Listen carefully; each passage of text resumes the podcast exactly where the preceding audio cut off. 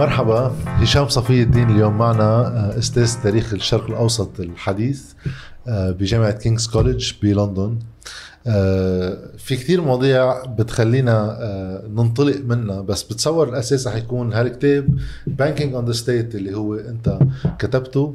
وبلغته العربية بنسخته العربية دولة المصارف. بتصور من العنوان بحط هيك سياق واضح لمضمون الكتاب. بس بالنسبة لإلي interesting وفينا نبلش من هون آه التاريخ المالي لهذا البلد. يعني واحد ينقي secteur ويبحث له بتاريخه خصوصا إنه هذا القطاع خلينا نسميه المالي تداخله بالوضع الاجتماعي والوضع السياسي للبلد هائل. وهالسنتين الأخيرتين إجت وعدنا شوي إنه ما فينا نفصل شيء عن شيء بين السياسة والاقتصاد. أه بنبلش معك من هيدا الكتاب شو ظروف اللي قررت فيه تكتب هالنوع من الدراسة لأنه فيها كتير مواد أرشيفية واضح إنها دراسة منا كتاب خواطر يعني. هي دراسة تأريخية لقطاع. آه وليش هالوقت ليش هالتايمينج له أهلا فيك جاد وبجميع المشاهدين وبسن يكون معك اليوم آه، بتعرف اليوم في ظرف كتير كتير صعب بالبلد آه، والناس عم تحاول بس إنها آه، يعني تحافظ على مستوى معيشي ولو متدني كرمال تضاين بظل أزمة أزمات متعددة. طبعا اليوم عم يحكوا العالم عن البنزين بس أنا أول شيء بدي أقول إنه كتير مهم نحن نعرف تاريخنا ونعرف تاريخنا حسب ما آه، نحن بندرسه مش بس حسب ما بدرسونا إياه. وأنا من أول ما كنت أدرس تاريخ لبنان مثل كل الناس اللي ربيوا بلبنان آه، كان التركيز دائما على موضوع الاستقلال على موضوع أساس لبنان وفخر الدين. وبس لو عيت بلبنان وكبرت لما ينحكى عن الموضوع اللي له علاقة بالمصارف كان دائما في نوع من الاحتفال. إنه المصارف والقطاع المالي بلبنان هو جوهرة هذا البلد وإنه هو يلي موقف لبنان على إجريه وإنه هو في آه، تحديث وهو شيء يجب دائما أن نحتفل به. هلأ لما بلشت أنا دراستي بالدكتوراه حول آه، قبل الأزمة. إيه، قبل الأزمة. أنا طيب. على كل حال يعني ما حتى لم أتوقع إنه هذا الشيء يطلع بهذا التوقيت بالذات. م. أنا بلشت بالدراسة عم نحكي حوالي 2014 يعني يمكن بعد بس المختصين كانوا بلشوا يهتالوا هم. إيه بكير كان بعدها إيه, إيه. بس حتى عفوا قبل كمان لازم الوقت بمر بسرعة. عم نحكي بلشت الدراسة فعليا تقريبا بال 2010 2009 2010 إيه. لا 2009 2010 كنا بعز عز النجاحات طبعا. يعني. إيه كان في أزمة ماليه عالمية وإنه عم نستفيد منها نحن هون. عم يجوا رؤوس الأموال عم تجي على لبنان بالتحديد تحديدا. والأول موضوع كنت أنا بدي أبحث فيه هو دور آه، رجال الأعمال الفلسطينيين في آه، بناء الاقتصاد اللبناني. أوكي. لأنه مثل ما بتعرف كدكتوراه يعني إيه إيه كدراسة. ومثل ما بتعرف كان في دور لهم كثير مهم بالخمسينات لما تم طردهم من قبل صحيح. الحركة الصهيونية. وبلبنان بما إنه في أحيانا نوع من ال يعني ال يعني مش دائما بس عنصرية بس اعتبار إنه هذا النجاح الباهر في لبنان ومرده فقط إلى الشطارة اللبنانية وإلى آخره.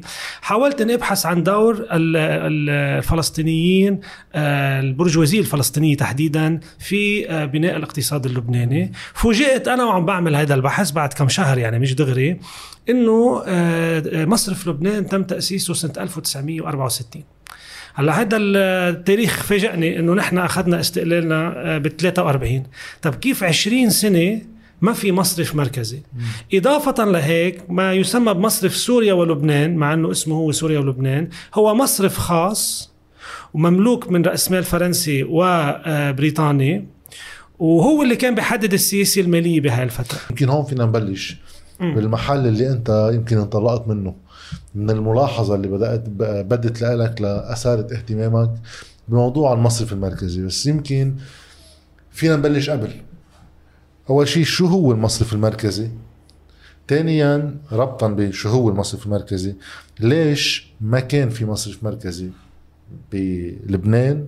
ويمكن حتى قبل مثل ما ذاكر بالكتاب مش بس بلبنان بالسلطنة العثمانية. كان واقعها شوي خاص. شو الظروف السياسية اللي كونت هالخصوصية اللي مثل ما عم تقول هي ظرف ظرف تاريخي بحددها.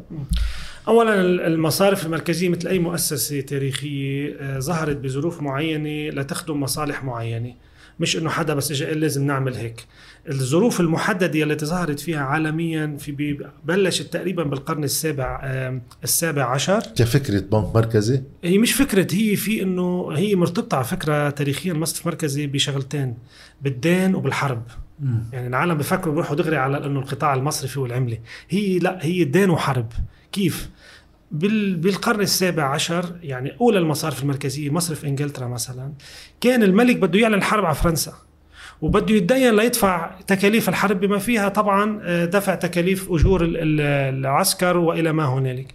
وكان في رفض أو يعني عدم آه، قدرة على بعض المصارف إنها تدين. فإجوا مجموعة مصرفيين عملوا consortium سموه Bank of England هو خاص أيضا يعني كمان نرجع نقول. كمان مصرف هو خاص. مصرف خاص وضله خاص ل 1946 ولكن مع التاريخ هذا المصرف الخاص صار يحطوا قوانين تحكم عمله بسبب أهميته بالاقتصاد. المهم إنه آه، عملوا اتفاق إنه نحن بندينك المصاري بفوائد معينة وأنت بالمقابل كمان لأنه العملة من زمان ما كانت يحتكرها مصرف واحد كمان هذا شيء تاريخي كثير ناس ما بتعرفه. كانت المصارف كل واحد بيصدر عملته. ودائما السلطة المركزية بفترات معينة بكل حضارة بالصين بالرومان كانوا أحيانا يحاولوا إنهم يحصروا العملة أو هن يحتكروا إصدار العملة بس ولا مرة كانت هي فقط محتكرة مثل اليوم بالعصر الحديث من قبل الدولة, الدولة. المركزية. يعني كانوا هن كل واحد يصدر عملته وتعترف الدولة بهالعملة فتصبح لها شرعية؟ لأنه بدها تشبه ضريبة ضريبة ترجع إيه، الدولة. إيه، ما هو لا هلأ كانت تحدد طرق الدفع بسموها. أوه. يعني مثلا أنت تقول حتى بالسلطنة العثمانية والله فيكم تعملوا اتفاقات بين بعض وتعملوا تجارة مثل ما بدكم استثمار آه تجار يعني استيراد وتصدير. بس لما تدفعوا ضريبة في عملات معينة أنا اللي بقبلها. okay. ما يكون في شيء اسمه إنه هاي العملة هي الوحيدة المقبولة قانونيا بكل البلد. okay. فكان في عملات متعددة منها عملات معدنية والعملة الورقية كمان لها تاريخها يعني ما حفينا نفوت بتفاصيل تاريخها. بس الفكرة العامة إنه بداية المصرف المركزي هي تشكيل كونسورتيوم لتمويل الحرب بمقابل احتكار إصدار العملة. م. هيدا هي كانت ال ال يعني ال الربط. الربط بيناتهم أو المساومة بيناتهم. وحتى الملك إنجلترا كان عنده أسهم بالبنك. آه. يعني كان عم بدين حاله كمان. يعني هو عم يستفيد هو عم بيفيد بنفس آه. الوقت. آه بنك فر... بنك فرنسا بنك المركز الفرنسي. نابليون هو اللي عمله بال 1800 كمان مصرف كمان خاص. كمان آه، كان عنده ضوابط لا غير غير مش مثل مصرف آه، إنجلترا. بس حتى أخوه كان هو أحد مدراء البنك. آه. وكان نابليون هو يحدد سعر الفايدة. هو يبعث كان رسالة يقول لهم اليوم بدي مثلا إذا الفايدة 5% حطوها 3% يعني ما كان في فصل نوعا ما. مع الوقت بمحل مثل إنجلترا مثلا بال 1844 عملوا تشارتر يعني عملوا نظام أساسي صار يحكم ويعني يؤطر عمل هذا المصرف اللي هو بعده خاص. ليش؟ لأنه لهلأ نجي لوظائفه. قلنا إنه أول شيء بلش ليدين الدولة بكل بساطة. م. بس بعدين بما إنه صار عنده احتكار للعملة صار هو كمان قديش بيطبع عملة بيأثر على الكتله النقدية بيأثر على الأسعار. فكمان صار في له وظيفة عامة صار لازم تحدد وتؤطر. وثالث شيء واللي هي كمان آخر آخر وظيفة تقريبا طورها تاريخيا المصارف المركزية إنه المصارف الأخرى كونه مصرف كبير إذا صار عندهم تعثر ما بيروحوا لعند هذا المصرف ليتدينوا. يقرضوا. فصار مصرف المصارف.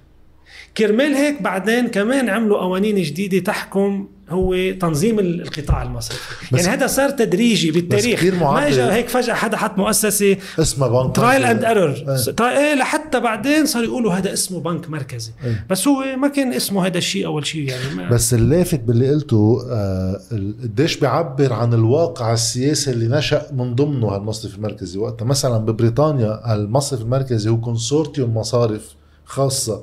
الملك هو شريك بين مزدوجين فيها.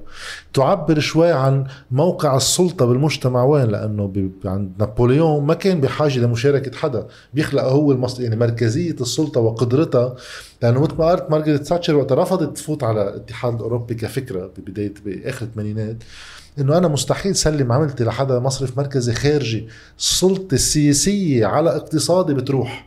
تماما أكثر من هيك. روح على أمريكا الاحتياط بنك الاحتياط الفدرالي أي. شوف هلأ تركيبته. وحتى قبل قبل ما هو عملوا كذا مرة مصرف مركزي بأمريكا ورجعوا آه، لغوه. شي ثلاث مرات.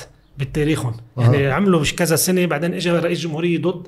والصراع حول المصرف المركزي بأمريكا كمان كان بين نيويورك والمصارف الكبيرة بنيويورك ومصارف ال يعني ال الشر المناطق الشرقية الغربية والجنوبية. المصارف يعني بسموه الهنترلاند يعني الأطراف. أي. إيه. بس الفكرة إنه لأنه هناك يكون فيدرالية بعده إلى الآن المصرف المركزي هو أصلا 12 مصرف مركزي عندهم تمثيل واحد.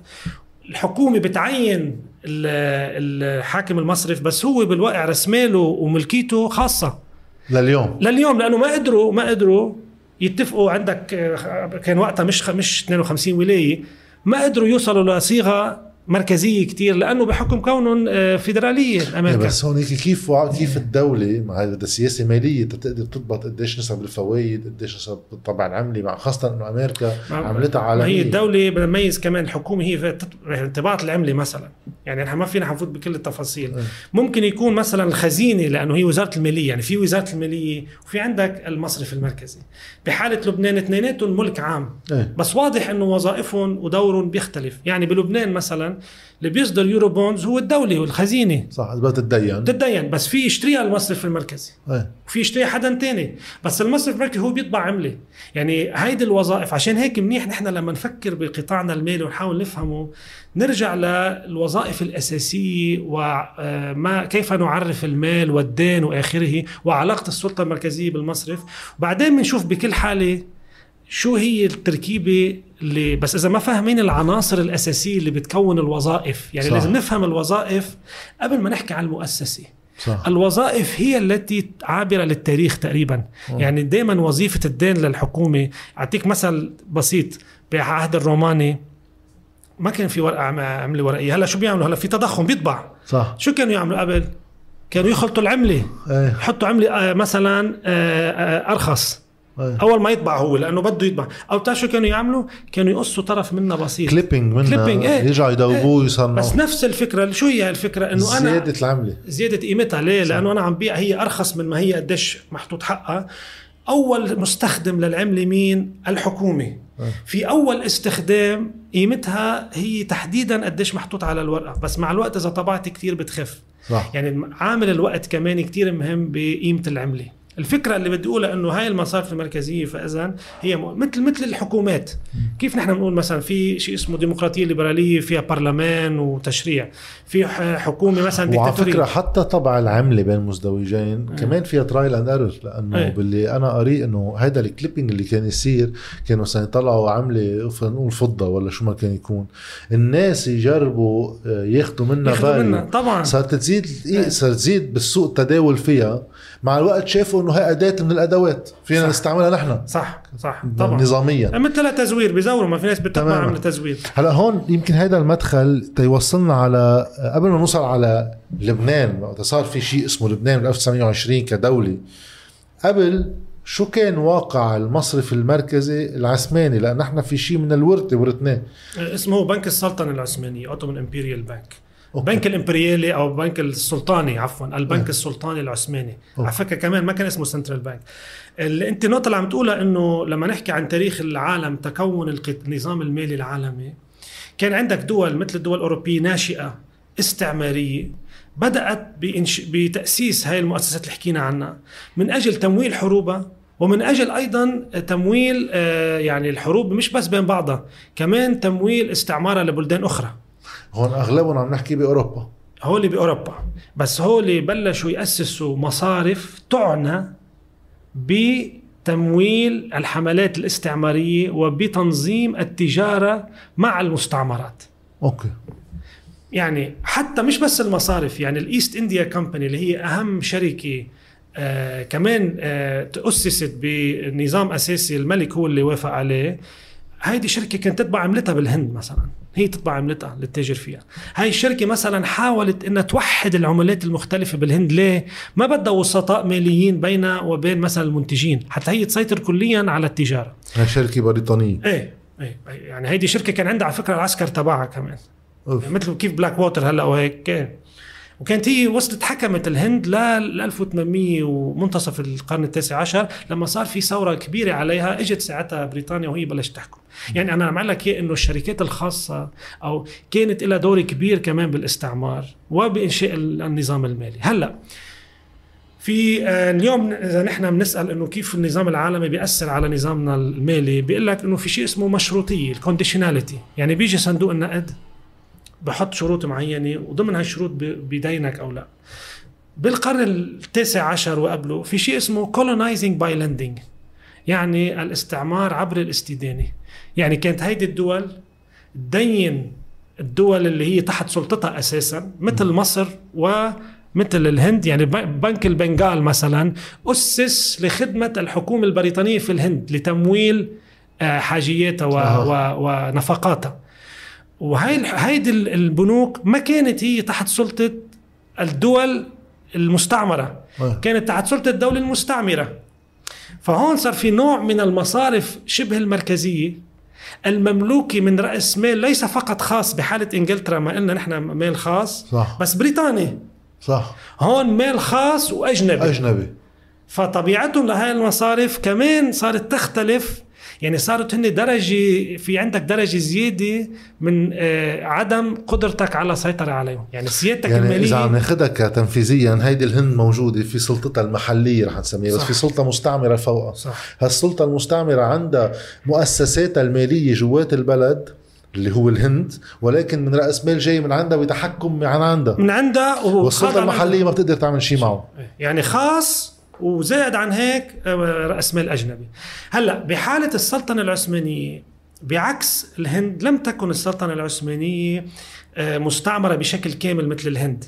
يعني جاك توبي اللي هو مؤرخ فرنساوي بيقول عنها بروتوكولونيال يعني استعمار جنيني معناته كان في قضايا معينة تخضع للفرنسي يعني كانوا يفرضوا مثلا البريطانيين والفرنسيين يفرضوا آه، آه، آه، شروط التبادل التجاري يخفضوا من مثلا الجمارك على الاستيراد. إذا أنت صار في مشكل بين تاجر بريطاني وواحد عثماني بيروحوا على محاكم مختلطة. يعني كان في تشقق في النظام القانوني والسياسي بس ما كانوا محكومين 100% كرمال هيك. كانت دولة قوية. بعد عندها نسبة من السيادة حد حد أدنى من السيادة السلطنة العثمانية. وين صار التحول التاريخي الكبير؟ بحرب القرم. لما صار في حرب بين آه، آه، السلطنة العثمانية والإمبراطورية الروسية. هيدي الحرب بهاي الفترة كانت يعني السلطنة ضعيفة. طبعا بيسموها كانوا الرجل المريض تبع أوروبا. هون عم نحكيها بالقرن التاسع تسعة منتصف إيه منتصف 1800 يعني. حرب القرم 1854 واللي هي من جراء صارت تسمى بالرجل المريض؟ آه يعني أنا ما بعرف صراحة إمتى بلش يستخدم هذا التعبير بس بهذا القرن التاسع عشر المسألة الشرقية والرجل صح. المريض بلشت تظهر. بهيدي الفترة العثمانيين كانوا عم يعملوا بلشوا يعملوا إصلاحات كبيرة لأنه كانوا عم يخسروا عسكريا. قبل حتى بالقرن يعني آخر 1700 كانوا بلشوا يخسروا يخسروا مناطق بأوروبا أكثر شيء ومناطق بشمال أفريقيا بالغرب. إيه. آه، خسروا بعدين بمنتصف القرن. آه، طبعا 1830 الجزائر صارت مع الفرنسوية. هذا هذا العقد عم يخسروا كانوا. فبلشوا يعملوا إصلاحات عسكرية. إصلاحات آه، آه، شو اسمه إدارية يعني تنظيم التنظيمات هلأ معظم المؤرخين بيحكوا كثير عن الأمور بسمون هي تنظيمات. صح. بس أنا كمان اللي بحكي بالكتاب إنه ما هو مثل ما صار في تنظيمات بالموضوع الإداري وبموضوع العسكر كمان صار في تنظيمات بموضوع المالي. عظيم. واللي صار بالقرم إنه بريطانيا آه، يعني مش أجبرت بس أصرت على الباب العالي إنه يتدين مشان يمول الحرب هو ما كان بده يتدين. كانوا معظم السلطنه منين تتدين. كان في منطقة بإسطنبول اسمها غلاطه غلطة. فيها ارمن ويهود ويونان يعني صرافين. كان معظم ديون الدولة العثمانية تجي منهم. وكانوا يطلبوا فوائد عالية أحيانا. فإجوا الإنجليز اللي كان عندهم قناصل طبعا واعتبروا إنه بدنا شو نحدث. الخزينة الخزينة الخزينة العثمانية. واحدى سبل التحديث إنه تخلقوا مصرف هو يتولى تدين الدولة. بس طبعا بدهم يعملوا مصرف فرنساوي وبريطاني يعني خاص. طبعا. إيه. وروتشيلد كان أول واحد اعطاهم ديون. وبالمقابل هيدا على الهامش لأنه ما تنسى هاي الفترة هي شو صار بلبنان؟ 1840 وبعدين 1860 صح. نظام الطائفي. بهاي الفترة صار في كمان آه، مطالبة بإصلاحات تتعلق بالحقوق لجميع الرعايا السلطنة العثمانية. بما فيها ما يسمى بالخط الهميوني والخط الجولاني اللي هن إجوا فت... مع بعض يعني بفترات متباعدة بيقولوا فيها إنه نحن بحق لنا في مساواة. وهيدا وقت طانيوس شاهين وكثير من الناس استخدموا هذا الشيء ليطالبوا بمساواة كاملة. اللي بدي أقول لك الفكرة بكل مرحلة صار في تحول دستوري أو سياسي رح تلاقي تحولات اقتصادية هي تحت يعني أجبرت أو هي اللي يعني استخدمت من أجل إجبار السلطنة على هاي التغييرات. بما فيهم على فكرة لأنه هلأ حنوصل دغري حتى نعجل شوي بعد ما بلشوا هاي الديون هن كانوا واعيين العثمانيين إنه بس نبلش هيدا الدين لأنه صار في بيلقطوك برقبتك. لأنه هذا الشيء كان عم بيصير بمحلات تانية. صح. يعني ب... ب... على فكرة الأرجنتين مثلا إذا بتقرأ بالتاريخ أول مشاكل حول الديون بالأمريكا اللاتينيه الأرجنتين باول 1800 لما صار في عم يستقلوا دول الأمريكا اللاتينية كمان فاتوا المصارف الأوروبية بقوة ليبلشوا يعطوا دين سيادي والدين السيادي يعني الدين العام هو كمان إحدى أسباب تشكل سوق المال بالعالم. في أسأل سؤال. ليش أنا كغير بالضغط السياسي والإكراه إيه. شو الوظيفة اللي قادر مصرف خارجي يعملها بطبع عملة جديدة خلينا نسميها ببلد ما؟ ما بقدر أنا أعملها ببلدي. يعني ليش السلطنة العثمانية ما أنشأت هي مصرفها؟ إيه. بوقتها وبلش تطبع عمله تمويل عسكرة وهالعملة مقبولة داخليا بما إنه هي عم تعترف بس هي منين عم اولا منين عم بيجيبوا هن مثلا أسلحتهم منين عم يشتروا مستلزماتهم ما هي أنت ما تنسى كمان في تطور بالعتاد العسكري مم. مثل هلأ أنت إذا بدك مثلا تجيب كاميرات شئت أم أبيت بدك تشتريها من برا. برا ما حياخذ منك إلا دولار آه في في ففكرة إنه هاي الأموال هي العملات الصعبة يعني آخر شيء روتشيلد ما هو شو حيعطيك إياه الدين؟ حيعطيك إياه 90% مثلا نقد آه، استرليني أو ما بعرف تروح تقدر تشتري تشتري. فيها حاجياتك ففي كمان سبب يعني في اقتصادي. مطرح ملقوط فيه أنت لحاجتك فيهم صح إيه في مطرح ملقوط فيه واحيانا آه، هو له بالتنظيم يعني أنت بي- بيعطيك هو آه، بسموها شروط الع- الدين بيكون أفضل. إنه أنا والله بخفف لك نسبه الفايدة عن هول اللي عم يعطوك إياها ب... ب... وآخر شيء بيجي الضغط السياسي. إنه أنت إذا بدك نحن ندعمك باشياء تانية بدك تاخد ضد منها. الإمبراطور بدك تاخذ منه.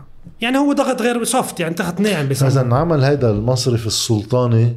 أول شيء هو يعني على فكرة أول فرع لهذا المصرف كان ببيروت 1850 53 54 أول فرع على أول فرع بكل. السلطنة. اللي هو لأنه كانت already يعني بهالمرحلة بيروت كانت منفتحة. طبعا بعد ما صار محمد علي احتل المنطقة وفتح المنطقة الفرنساوية وصارت بيروت مركز بلشت تصير هي مركز تجاري و- كان ومرفأ تابع لولايه الشام إيه. يمكن الفترة إيه. هي صارت ولاية لوحدها بعدين بال 1800 ويعني عم نحكي بال 80 أو بالستينات. يعني ما بدي أقول رقم مش دقيق. بعتقد 1804 يا الثمانينات يا الستينات بس كانت بعدها تابعة لولاية الشام. هلا لحظة صار فيه؟ 1854 إيه بس ما تنسى كان صار في قائمة مقاميتين صح. بس جبل لبنان. بيروت ما كانت جزء منه. صح. ما كان جزء منه. هلا هيدا المصرف وين كان مركزه؟ بعلم ريسي آه. إيه. بعد في له آثار؟ ما بعرف. والله آه. لازم نسأل. ما بعرف إذا هن خلوا شيء بالبلد. آه كان بعين المريسي بس هي مجموعة مصارف بعدين يعني حتى كمان ما نفوت كتير تفاصيل. صاروا بعدين البنك السلطاني العثماني بال 1864 يعني ما هي بتبلش بنرجع بنقول ببلشوا قروض صغيرة مصرف هون بعدين بيصير في إعادة هيكله للمصرف وصار اسمه البنك السلطاني العثماني. هلأ هيدا البنك لنرجع لفكرة الاستعمار الجنيني كان مملوك من آه، فرنس آه، رأس مال فرنسي وبريطاني كان هناك لجنة إدارية له فرنسية بريطانية ولكن كان خاضع للقانون العثماني. يعني إذا صار في محاكمة له بيتحاكم داخليا. داخليا. فهيدي هي المساومة. كان في مساومة بين السلطنة وال وهيدا المصرف عنده وظيفتين آه، تحسين آه، آه، حسن إدارة يعني الإدارة المالية لل- للسلطنة وتمويل المشاريع الكبيرة اللي هي جزء منها كان ما يسمى ب يعني التغلغل الرأسمالي بالمنطقة. شو يعني؟ يعني كانوا يمولوا سكك الحديد اللي هي بأهمية هلأ انابيب النفط. كانوا يمولوا المرافق اللي بدها تبنى.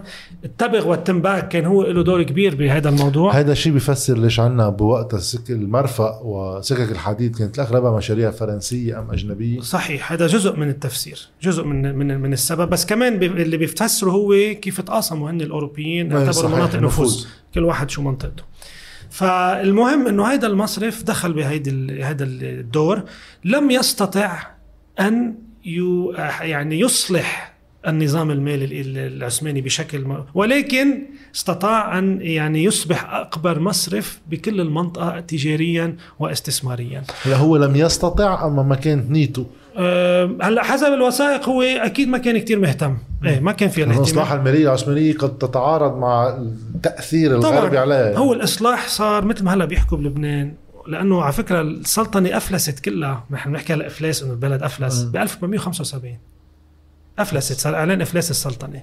تجاه ديون خارجيه إيه إيه إيه, توف... إيه. بالضبط. وعلى فكرة هاي نفس السنة اللي صار فيها دستور دستور آه، ملكية دستورية اللي عبد الحميد عملها. ليش عمل لك إنه إذا بتطلع على التاريخ كل فترة صار فيها في تقاطعات مخيفة. بال 1839 مثلا لما انسحب محمد علي. نفس السنة اللي أصدروا فيها capitulations يعني قرارات إحدى القرارات من تحسين شروط التجارة. بتشوف إنه آخر شيء مثل هلا بيفاوضوا يعني. بس نحن هذا بياكد عدم الفصل بين إيه الاقتصاد إيه بس بيمحوا لنا الاقتصاد أحيانا كثير وبيعلمونا بس إنه والله كان بس إنه صار في فكر جديد والعلاء بالمساواة وإنه هذا الفكر اجى وحط وهذا بيوصلنا اليوم على التحاليل لأزمتنا المحلية بمحاولة إلغاء الاقتصاد تنسيق عم نطلع geopolitics على الحل. على الحل مع إنه مين ربح ومين خسر وهيك يعني إيه، صراع إيه. المنطقة كانوا بيقدر ينعكس مباشرة. إيه هلأ هو في تداخل. صح. مثل ما حكينا إنه حرب القرم هي اللي اجبرتنا على الدين. اليوم جزء من المشكل مش المشكل بس هو الأساس إنه في عقوبات على لبنان وهي العقوبات هي نوع من الحصار والخنق المالي يعني مش مش متعارضين. بس مثل أي شيء تاني أنت عندك مناعة بتكون قوية أو ضعيفة وبيجي حدا من الخارج نعم، بيستغل أنت شو عم تعمل لتحاول إيه تواجه؟ إيه إيه. بس هن كمان مش إنه واحد بلش قبل الثاني هن بالتاريخ بيجوا مع بعض. فالفكرة إنه آه لما أفلست السلطنة بطل البنك هو له الدور الرئيسي. وعملوا شيء اسمه الإدارة أو PDA Ottoman Public Debt Administration الإدارة العامة للديون العثمانية. وبمصر كمان صار في إفلاس بعدين بال 1800 وإذا الناس بيعرفوا شوية تاريخ بحالة مصر شو صار؟ صار في غزو. ثورة عرابي. وصار في غزو بريطاني بحجة دفع الديون. بحالة السلطنة استولوا هن عبر هاي الإدارة على ماليه الدولة. وصار التخصيص الكبير لريع الضرائب لوين يروح؟ لدفع الدين. كيف هلأ بدهم يعملوا صندوق سيادي وبدهم إنه ياخذوا مثلا يشغلوا المرفأ وإنه المصريات اللي بتروح العائدات تبع الصندوق بتروح للدين. صار أولوية ال ال يعني السلطنة كل المصاري اللي عم تجي على السلطنة جزء كبير منها صار بده يروح لدفع ديونها. هاي بتفرجي انه اليوم نحن كل ما نتأخر بإدارة أزمتنا محليا عم نكشف حالنا لسطوة خارجية بتصير محتومة أما صعب الإفلات منها. وصاي يعني حتى باحد ضيوفك دكتور لي السابق قال إنه بعد شوي هن عملوا تعالوا يا خيي وإنه استولوا خذوا وصاية علينا. فالفكرة إنه مع حلول القرن العشرين أصبح البنك السلطاني العثماني ذات نفوذ واسع جدا في وأصبح عنده يعني فروع في كل المنطقة.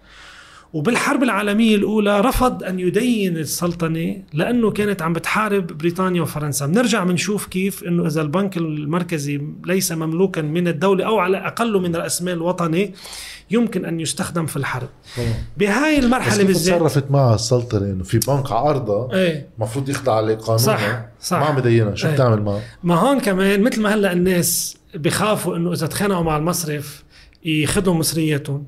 كان في خوف إنه المبالغ المجمدة والموجودة بالغرب عند هذا المصرف إنه إذا الم... إذا هي حا... إذا حاولت السلطنة إنها يعني تفرض عليه الدفع إنه بآخر شيء بيضبوا أغراضهم وبيمشوا. يعني كان في ما هي علاقة المال بالسلطة آه، علاقة دائما محفوفة بال, بال... يعني هي هو أنا ممكن نسميه توازن غير مستقر. يعني في مراحل معينة بالتاريخ العسكر والسلطة العنفية هي اللي بتقدر تفرض رأيها وفي مراحل العكس وفي مراحل في تداخل. بهاي المرحلة ما تنسى السلطنة صارت بمحل أصلا أصلا بالحرب العالمية الأولى البوارج والتكتيك وال, وال يعني الزخم الكبير آه، كان هو ألمانيا. يعني ألمانيا كانت عم تدعم السلطنه صح. وكانت هي قبل خسرانه حرب البلقان 1913 يعني ما فيك تقول إنه كانت فيها تتعامل مع البنك. ما عندها القدرة آه محليا تحمل هيك نوع صراع. هيك هيك نوع صراع مع البنك. هلا لا شك أنا ما فات بكل التفاصيل شو أكيد بيكون في نوع من الخلاف وما بعرف بس آخر شيء كان في خوف إنه هذا البنك إذا نحن كثير بنضغط عليه بيقول لنا انه هون المصريات ما حتشوفون يعني لأنه في حرب يعني ما في صحيح. إنه ما ما فيهم يفرضوا عليه شيء فهي لنفوت هلا بلبنان وسوريا و صار شو صار؟ صار, صار في إعلان لبنان الكبير. قبل إعلان قبل قبل ما هو هذا كله صار قبل إعلان لبنان آه. الكبير. لأنه لما فاتوا الإنجليز يعني الحلفاء فاتوا بقيادة الإنجليز على كانت تسمى هاي كلها ولايات الشام. صح. بلاد الشام آه، من مصر أول شيء عملوه إنه فرضوا استخدام آه، العملة الجنيه المصري اللي هو مربوط كان وقتها. الجنيه استرليني. إيه نحن ما حكينا على فكرة عن آليات الاستعمار المالي فينا نحكي بعد شوي نظريا كيف بيشتغل منا ربط العملة بالعملة الأم. مثل ما إحنا كنا مربوطين هلأ بالدولار ولو صح. إنه مش هي أمريكا اللي جبرتنا يعني بس إنه نحن كنا تقريبا طوعيا عاملين آه، آلية تستخدم بالاستعمار المالي إنه بتربط أنت ما عندك سيادة مالية الفكرة إنه كثير من هاي المناطق اللي كانت آه، ما تنسى نحن قلنا إنه بريطانيا احتلت آه، مصر بال 1882 وظلت حاكمة كل هالفترة م. وأسست نظام مالي تابع للنظام المالي البريطاني لما فاتت على المنطقة بدهم يدفعوا اجار آه، مصاريف العسكر. دائما بترجع بتشوف إنه الحرب وال يعني السياسة هي بتحدد كمان أحيانا النظام المالي. فوقتها أكيد أول شيء أول شيء عملوا إنه ممنوع استخدام العملة الورقية العثمانية لأنه هيدي بتعزز بترجع من سطوة النظام العثماني. وقالوا إنه إذا حدا بده كل النفقات العسكرية حددوا أول شيء. بحق لكم جملة من العمولات. بما فيها الروبي الهندي بما فيها الذهب الليرة الذهب لأنه حتى لو عثمانيه بالنهايه ذهب إلى قيمتها. قيمتها. إيه؟ وبما فيها الجنيه المصري. هلأ معظم الناس كله مربوط ببريطانيا. إيه أو أو مربوط ببريطانيا أو له تداول عالمي تداول عالمي. هلأ معظم الناس هون ما حيقبلوا الجنيه المصري. فقالوا إذا ما بتقبل بفوت على الحبس. هون بيصير دور الدولة بفرض اللي بيسموه ليجل تندر يعني بتصير العملة إلى قوة إبرائية قانونية بغض النظر عن قيمتها. هلأ مع الوقت بيتعودوا. صح. كيف هلا للأسف نحن عم نتأقلم مع أمور كتير مش من صالحنا وبنقبل وبعد شوي إذا أعطونا 100 دولار بنبوس إيدهم وجه وقفا كمان صار في إنه مع الوقت بصير يا خيي كل واحد عم يقدر يعني إذا بيجي العسكر بده يشتروا منك موارد بيدفعوا لك بهالعمله بتاخذها لمحل تاني بصير لها هي circulation بتصير عم بتدور. المهم إنه بهاي الفترة ضل في فترة الجنيه المصري أو الجنيه يعني المصري الاسترليني المربوط بالاسترليني هو العملة الأساسية بالمنطقة. م. لحتى إجوا الفرنساوية الفرنساوية آه، بلشوا يتذمروا ليه؟ لأنه هن مش مهنه بيصدروا هاي العملة. صح هيدا تأثير بريطاني على منطقة نفوذ بدهم إيه. إياها لهم ساعتها أعادوا تشكيل البنك السلطاني العثماني وسموه بنك سوريا ولبنان وطلبوا منه يبلش يطبع عملة ورقية سورية أول شيء. قبل ما يعملوا إعلان يعني سورية اسمها ليرة سورية. بعدين صارت سوريا ولبنان الكبير عفوا البنك السوري. مهم. هيدا المصرف صار هو منوط به طبع هاي العملة بس ربطوها بالفرنك الفرنسي ل 20 فرنك أول ما وصلوا هون بدي فرجي شيء كمان للمشاهدين. كان بعدهم هن بس آه، يعني موجودين ومقرهم الرئيسي بيروت. وبعدهم ما دخلوا على سوريا. والبريطانيين كانوا حلفاء لفيصل ابن الحسين اللي هو قائد ما القوى العربية يلي آه، صارت على العثمانيين وتحالفت مع الأوروبيين. صحيح. ف... كانوا موعودين بدولة بوقت صحيح كانوا موعودين بدولة عربية. وكانت الحكم في سوريا هو آه، حلف ما بين فيصل بن الحسين وأعيان دو أعيان الشام بما فيهم العائلات الكبيرة مثل بيت العظم مثل بيت وعائلات أخرى. فلما أعلنوا قيام دولة عربية بسوريا ضاينت يمكن سنة سنة إيه سنة ونص سنتين آه. إيه كمان اعلنوا إصدار عملتهم. يعني هاي العملة هلأ بتشوفهم لأنه فعلا بتشوف كيف العملة هي رمز مش بس رمز للسيادة هي اللي بتخولك أو بتسمح لك إنك تبني اقتصاد وطني. إيه عملوا دينار دينار سوري. وحتى بتشوف يعني الرموز الموجودة فيه بتعبر أو بتعكس آه، الثقافة الوطنية. وطبعا هون بهالحالة مثلا الحضارة العربية الإسلامية لأهل المنطقة. يعني قديش هذا الشيء مختلف عن الليرة اللي نحن بنشوفها القديمة؟ هي مبينة إيه. صناعة محلية يعني مبينة حدا عم بيمثل صورة بلده إيه هلأ قد أخذ طبعها بنك فرنسا كمان شوف كيف الاقتصاد آه. العالمي. يعني ما عندهم وسيلة يطبعوا عملة لأنه ما فيك تطبع بس بدك تتأكد إنه ما فيها تتزور ولا صح صح صح. فعملوا طلبية لبنك فرانس إنه يطبع لهم إياها. لما اجى جورو جنرال جورو بالانذار يلي وجهه لفيصل. الميكرو إيه. جلسه شوي. إيه عفوا. الإنذار يلي وجهه جورو لفيصل قبل ما نعمل معركة ميسلون اللي كمان العالم يمكن بيعرفوا إنه صار في معركة صح. آه، استشهد فيها وقتها آه، يوسف العظمة. آه، قبل ما يجتاحوا سوريا من ضمن أنا اطلعت على الإنذار في كذا بند عن العملة. مش بس إنه أنت بدك تكون خاضع لسلطتنا إنه بدك تقبل العملة اللي إحنا عملناها هون كهي عملة بمنطقتكم. مش هيدي العملة. وبدك توحد كل ال- الفضاء النقدي الموجود. طبعا رفضوا مش بس رفضوا هذا الإنذار رفضوا كل الإنذارات الأخرى. بس لاجتاح جورو واحتل دمشق ساعتها صار فيك تقول إنه صار في عنا نظام نقدي جديد تم آه، إنشاؤه من قبل القوى المستعمرة. أصبح مصرف سوريا ولبنان اللي هو الخلف لبنك السلطان السلطان العثماني العثماني.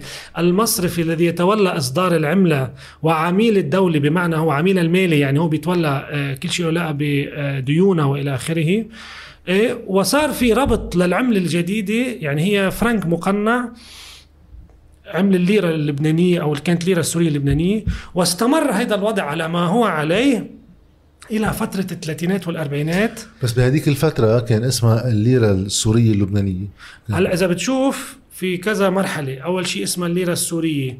بعدين آه، آه، آه، هلا أكثر التحول صار باسم البنك. كان البنك السوري بعدين بنك سوريا ولبنان الكبير بعدين بنك سوريا ولبنان بالثلاثينات. بالنسبة للعملة كان في اسمها الليرة السورية.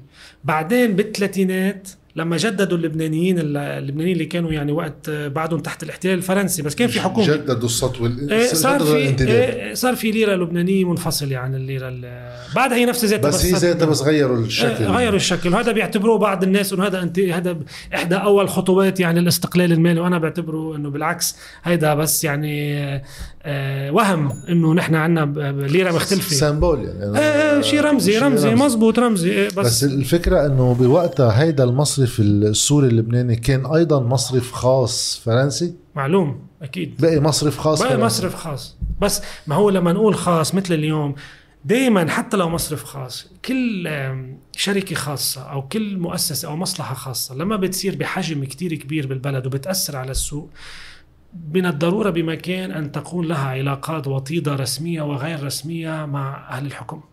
ببلدها ببلدها أو إيه أو يعني ببلد موجودة أو. أحيانا بلدها يعني بمعنى إنه ما بتقدر هي تتصرف بس هيك على هلا هن شو عملوا على فكرة بس لنكون دقيقين.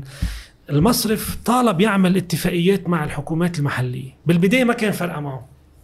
بس شوي شوي كمان لأنه صار في شرعية. ما تنسى فترة الاحتلال الفرنسي اللي تسمى انتداب. بالمبدأ فرنسا كانت ملتزمة بإعطاء هاي البلاد استقلالها عاجلا أم اجلا. صح. فكل تنظيم موجود هون مؤسسة كان في بخلفية هيدا المؤسسة إنه يوما ما بدها تصير هي مستقلة أو بدها تصير يعني أم، خاضعة لسلطة السلطة المحلية. فهيدا هيدا المصرف كان إنه عم بيحاول يعمل آه، معاهدات ولو شكليا مع الحكومات المحلية. بس بآخر المطاف قراره بيطلع من آه، أصحابه وبالتنسيق طبعا مع فرنسا. وما تنسى إنه ولاءات هؤلاء بهاي الفترة ولاءاتهم كانت للرأسمال الفرنسي. يعني هذا المصرف كان دائما يبدي القروض للبنوك الفرنسية بما فيها بنوك كانت موجودة بالجزائر وبتونس. فيعني هو بنفس الوقت عم يعمل مصلحة الحكومة الفرنسية بس بنفس الوقت عم ببدي مصالح ال- الرأسمال الفرنسي بالشراكة مع دائما دائما دائما بكل منطقة. في عندك مجموعة من الأشخاص كمان أصحاب مصالح مصالحهم تتلاقى مع مصالح المستعمر وبمرق لهم. يعني في شيء كان اسمه بهذيك الفترة بلبنان شو هو؟ وين- كانوا هول؟ كانوا مصارف جديدة لبنانية عم تنشأ لهم علاقة بهذا المصرف بفترة العشرينات ما يعني كان في قبل مصارف مثل مصرف آه، فرعون وشيحة مثلا موجود مثلا بيشتغل بتجارة الحرير بي بي بي بي يعني إقراضه كان له علاقة بتجارة الحرير. هذا عنده علاقات كتير كان مع مارسي مارسيليا ومع آه، ال- المصارف ال- ال- هون الفرنسية. بده واحد كمان يوضح شغلة إنه بوقت المصارف مش مثل اليوم كان كل إنسان عنده حساب بالبنك بيروح على البنك وكذا. كان أغلب شغل المصارف هو لتمويل مشاريع كبيرة. صحيح صحيح. وكان كان عندهم دور الوسيط هول المصارف الصغيرة. ليش؟ لأنه المصرف الكبير ما بيعرف كيف السوق بلبنان. ما بيوثق 100% بهذا الشخص مثلا عنده تجارة. آه فكانوا يستخدموا هاي المصارف كوسيط. يعني هن بيقدروا يعرفوا بسموها آه يعني الكريدت ال ال الثقة الائتمانية إنه هذا الشخص والله من دينه ما من دينه في بدك. تفهم بدك تعرفه منيح المح... المصرف المحلي بيقدر بيعرف يعرف. بيقدر يعرف هالقصص لأنه ما في إحصاءات وما في عندنا والله ملف نحن كتير رسمي في بالمونة. إنه هيدا والله عنده سمعته بالسوق هيدا والله بنعرف إنه بيشتغل بشكل معين فكانت هاي و... كانت دورة كتير يعني وسيطة آه بعدين صار في تطور للمصارف بالخمسينات. آه ففت بس بس اللي صار إنه بالثلاثينات والأربعينات صار في آه، كارتيل حول بشارة الخوري. آه، هيدا الكارتيل اسمه كان كان اسمه مؤسسة اسمها Syriac. Syriac كانت بتنسق دائما مع آه، المصرف سوريا ولبنان وكان دائما بيعطوا يعني مثل أفضلية ل Syriac مقابل إن Syriac كمان تركز شو على هي Syriac يعني كناية عن شو؟ آه، كناية عن آه، يعني consortium. مصارف؟ آه، لا مش بس مصارف. كل شيء مصالح آه، مؤسسات تجارية ومش بس مصارف. يعني اللي عنده تلزيمات كبيرة مثلا بالبلد آه، Syriac يعني ما بعرف إذا هلأ في شيء شبيه فيها آه، ما بعتقد هلا في شيء شبيه فيها.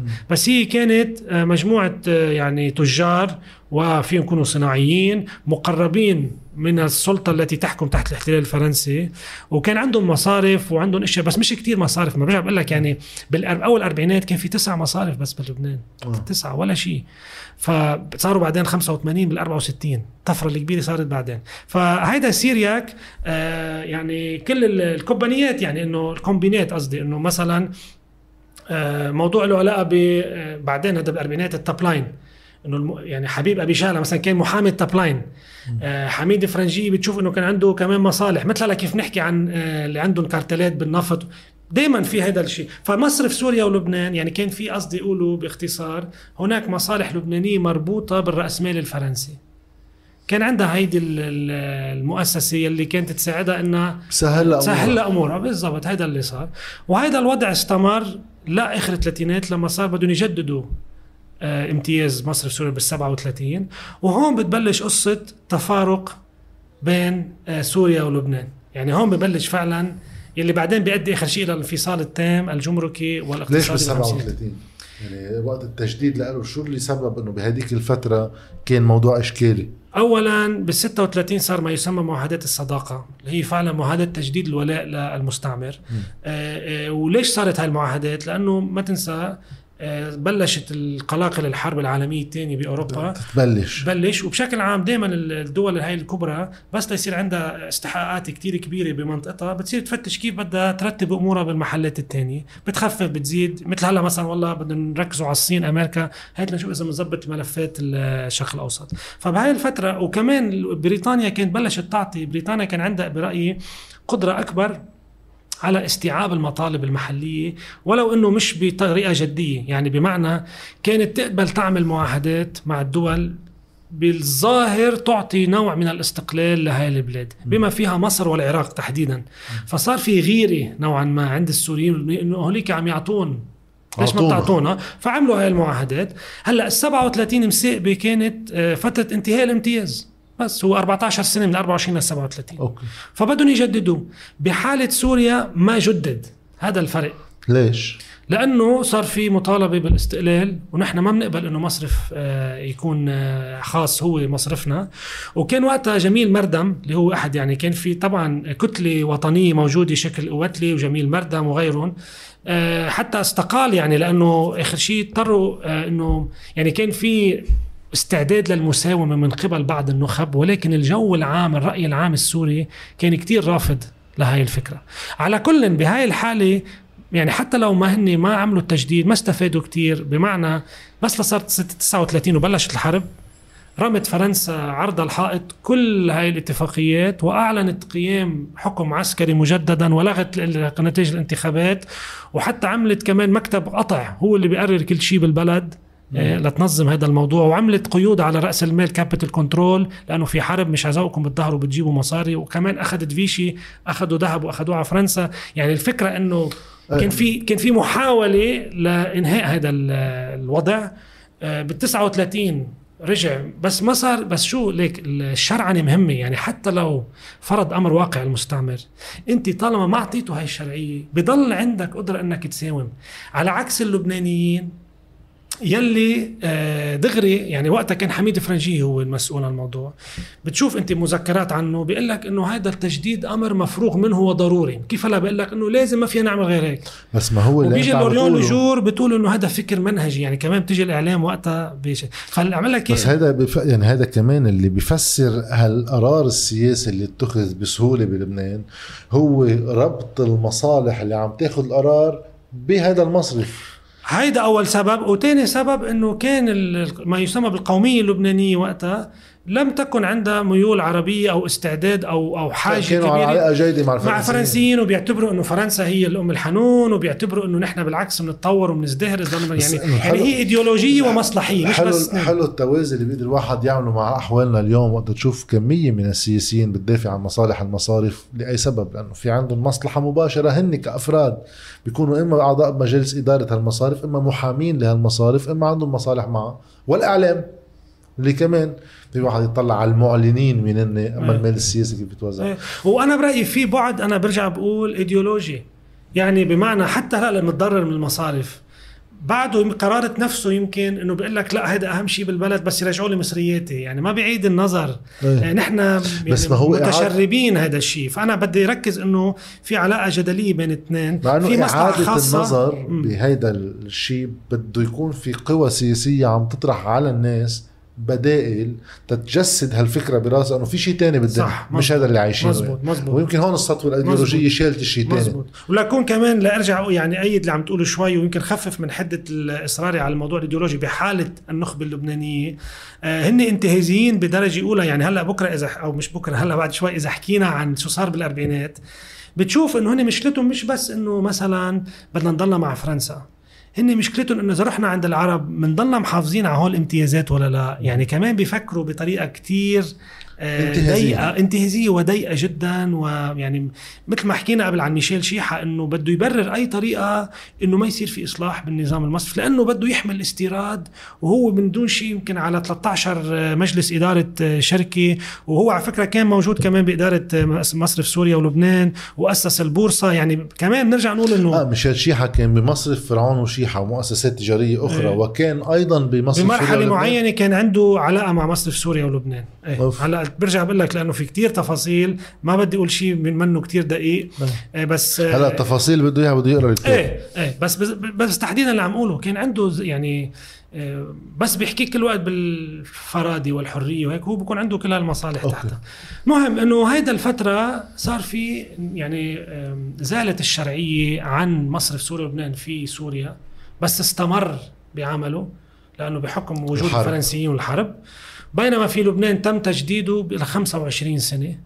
وهي بتجيبنا لأي سنة؟ 1964 أها يعني نحن وقتها بال 37 جددنا الامتياز 25 سنة. هاي سببت إنه المصرف المركزي كفكرة ما تنشأ أصلا إلا بال 64 كان خلص هالامتياز آه، هلأ عند ال عند ال بس كانت الدولة فيها قبل تخلص الامتياز. أوكي. بس ما خلصت. هلا رح نحكي عن هذه الفترة لأنه بهيدي الفترة الفاصلة من ال 37 لل 64 صار في كثير من الأمور. كثير صار في آه، استقلال لبنان واستقلال سوريا انفصال العملتين والجمارك انفصال المال التام بين البلدين جمعية المصارف فالمصرف المركزي وما بينهم في كتير أحداث. بس نرجع نحيط بالفكرة العامة إذا كنا بمصرف السلطان العثماني اللي هو في بداية السطوة الغربية على الاقتصاد الداخلي بقلب السلطنة. ومن ثم فترة انتقالية صغيرة اجى الجنيه المصري اللي هو كان مربوط بالبريطانيين ثم مصرف لبنان وسوريا اللي هو كان دخول الفرنسي على لبنان تجسيد له عبر هذا المصرف لأصدر عملة مربوطة بالفرنسيين. بال 37 بلشنا مرحلة انتقالية. صح. ومحاولة وحيدة يعني غير ناجحة بس لإصدار محاولة وطنية وحيدة. وطنية وحيدة. فهاي الفترة يعني مثل ما اختصرت أنت وصلنا بهاي المرحلة اللي هي صار في محاولة لفك الارتباط. هلأ بدنا نرجع نذكر في موضوع العملة فك الارتباط العملي وفي موضوع المصرف المركزي. هن طبعا متداخلين بس مش هن نفس الشيء.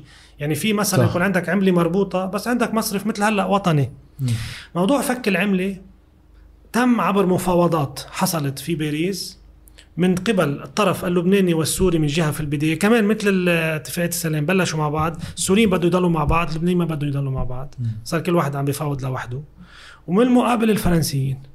آه قبل ما نطلع هون خلال الحرب صار في فوضى نقدية صار في تعدد نظام نقدي. ليه؟ لأنه كمان الفرنك الفرنسي وضعه ما كان كتير منيح، كان عم يخسر قيمته. الحرب العالمية الثانية الثاني. حتى قبل كان يعني هو مش بقيمة أو مش بمستوى الاسترليني استرليني كان هو دولار القرن الأول القرن العشرين. فكان في كتير ناس ما بيحبزوا بما إنه ما ننسى كمان إنه ألمانيا احتلت فرنسا بالاول في أول فترة الحرب وانهارت الحكومة الفرنسية وصار في شيء اسمه حكومة فرنسا الحرة بقيادة جنرال دي جول في الخارج. فما عاد إنه فيك تعتبر إنه والله اعتمادنا على الفرنك الفرنسي آه، يعني ذو ضمانة.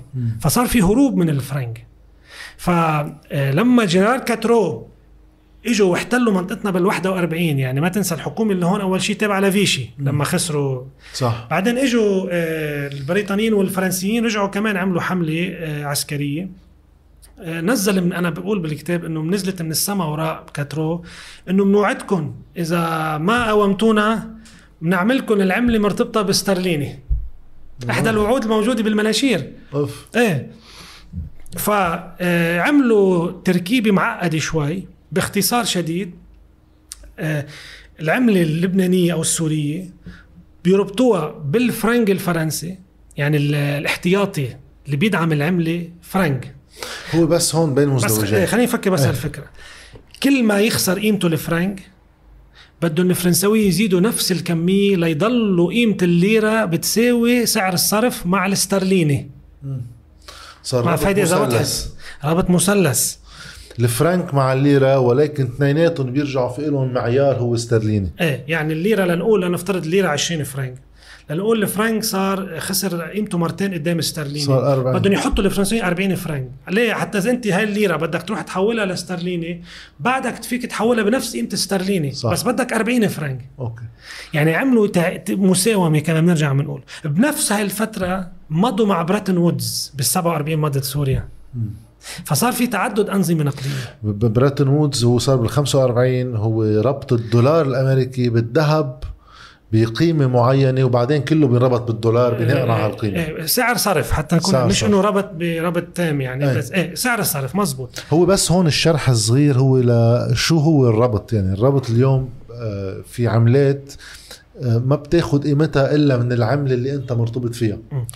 لأنه حتى الأمريكان عملوها بعد الحرب العالمية الثانية مع أغلب الدول الأوروبية ليرجعوا يخلقوا لهم قيمة لعملتهم اللي كانوا متدهوره مثل الدويتش مارك تحديدا اللي كانت أسوأ العملات يعني. إجوا قالوا هالكميه من المارك الألماني بيساوي دولار؟ ففجأة صار لها قيمة.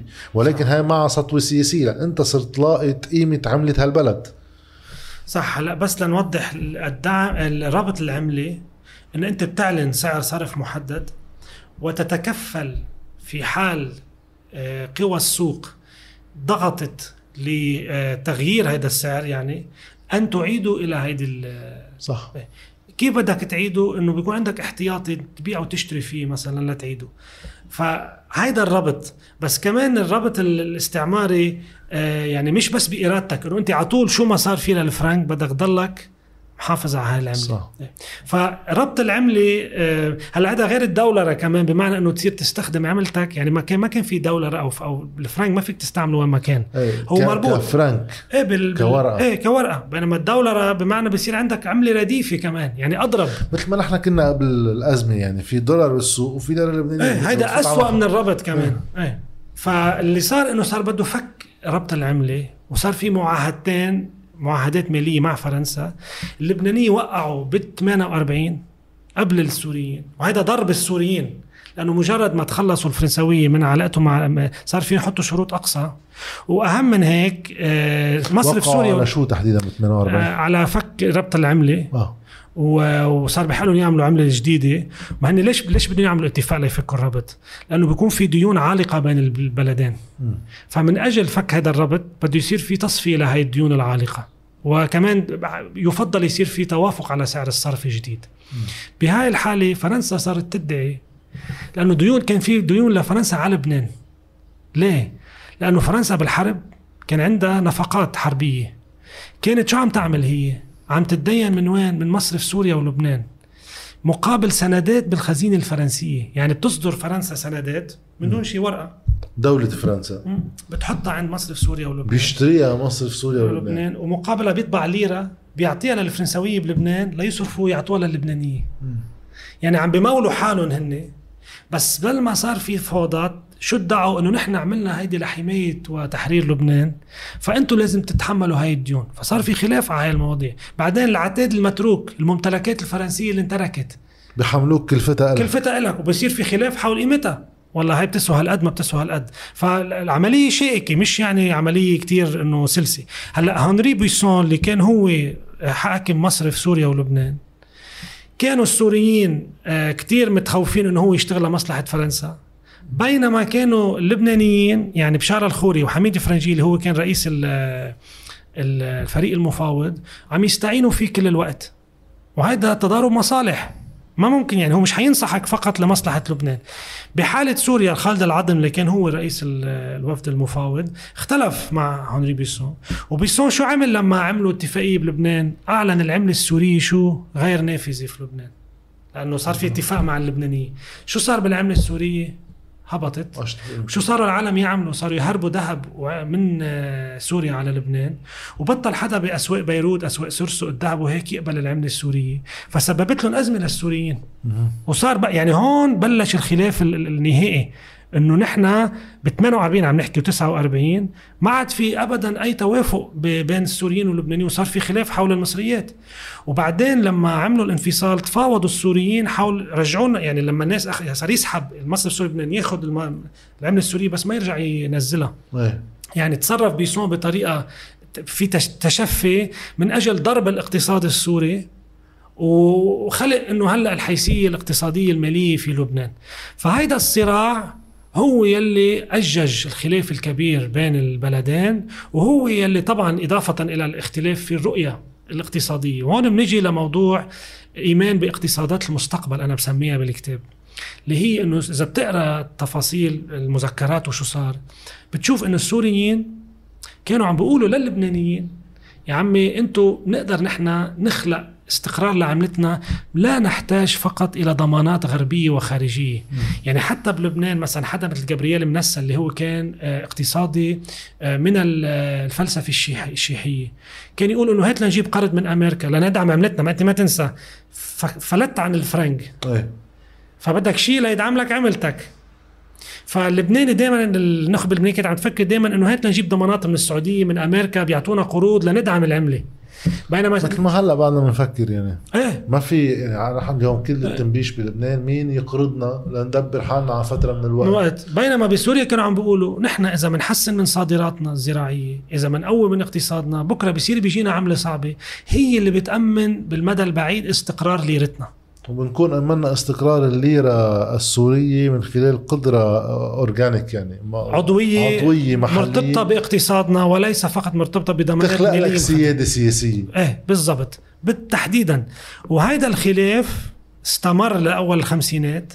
السوريين آه وقفوا آه عملوا خطوات عديدة من أجل إنهاء امتياز بس آه سوريا ولبنان. بس قديش هيدي الفترة اللي صار فيها هيدا الخلاف النخبة اللبنانية غير المصالح المالية هون بنرجع يمكن للأيديولوجيا كان في توجه لأنهم ينغمسوا أكثر بالاقتصاد العالمي يعني يبقوا عندهم ربط عم يخلقوه هن لا القوي. ساعة كان الفرنسي ساعة البريطاني بالآخر أمريكي خوفا من القوميات العربية اللي كانت عم تجتاح المنطقة بما أنه بلبنان كان في هذا الصراع. في في ناس بلبنان ما بدهم يندمجوا بعالم عربي وفي ناس بدهم يندمجوا بعالم عربي أما سوريا أم غيره. فبصير هذا مستخدم هالطريقة مستخدمة ليبقى في رعاية خارجية لاستقلال محلي عن هالتيارات الإقليمية. في هيدا العنصر بس ما تنسى في في من ناس مثل رياض الصلح أو حتى بيت اسلام يعني أنا ما شفت إنه كانوا معارضين هذا الخلاف مع السوريين لأنه كمان اعتبروا إنه مصالحهم التجارية الأساسية اللي هي الاستيراد يعني تجار بيروت عم نحكي هون بالتحديد.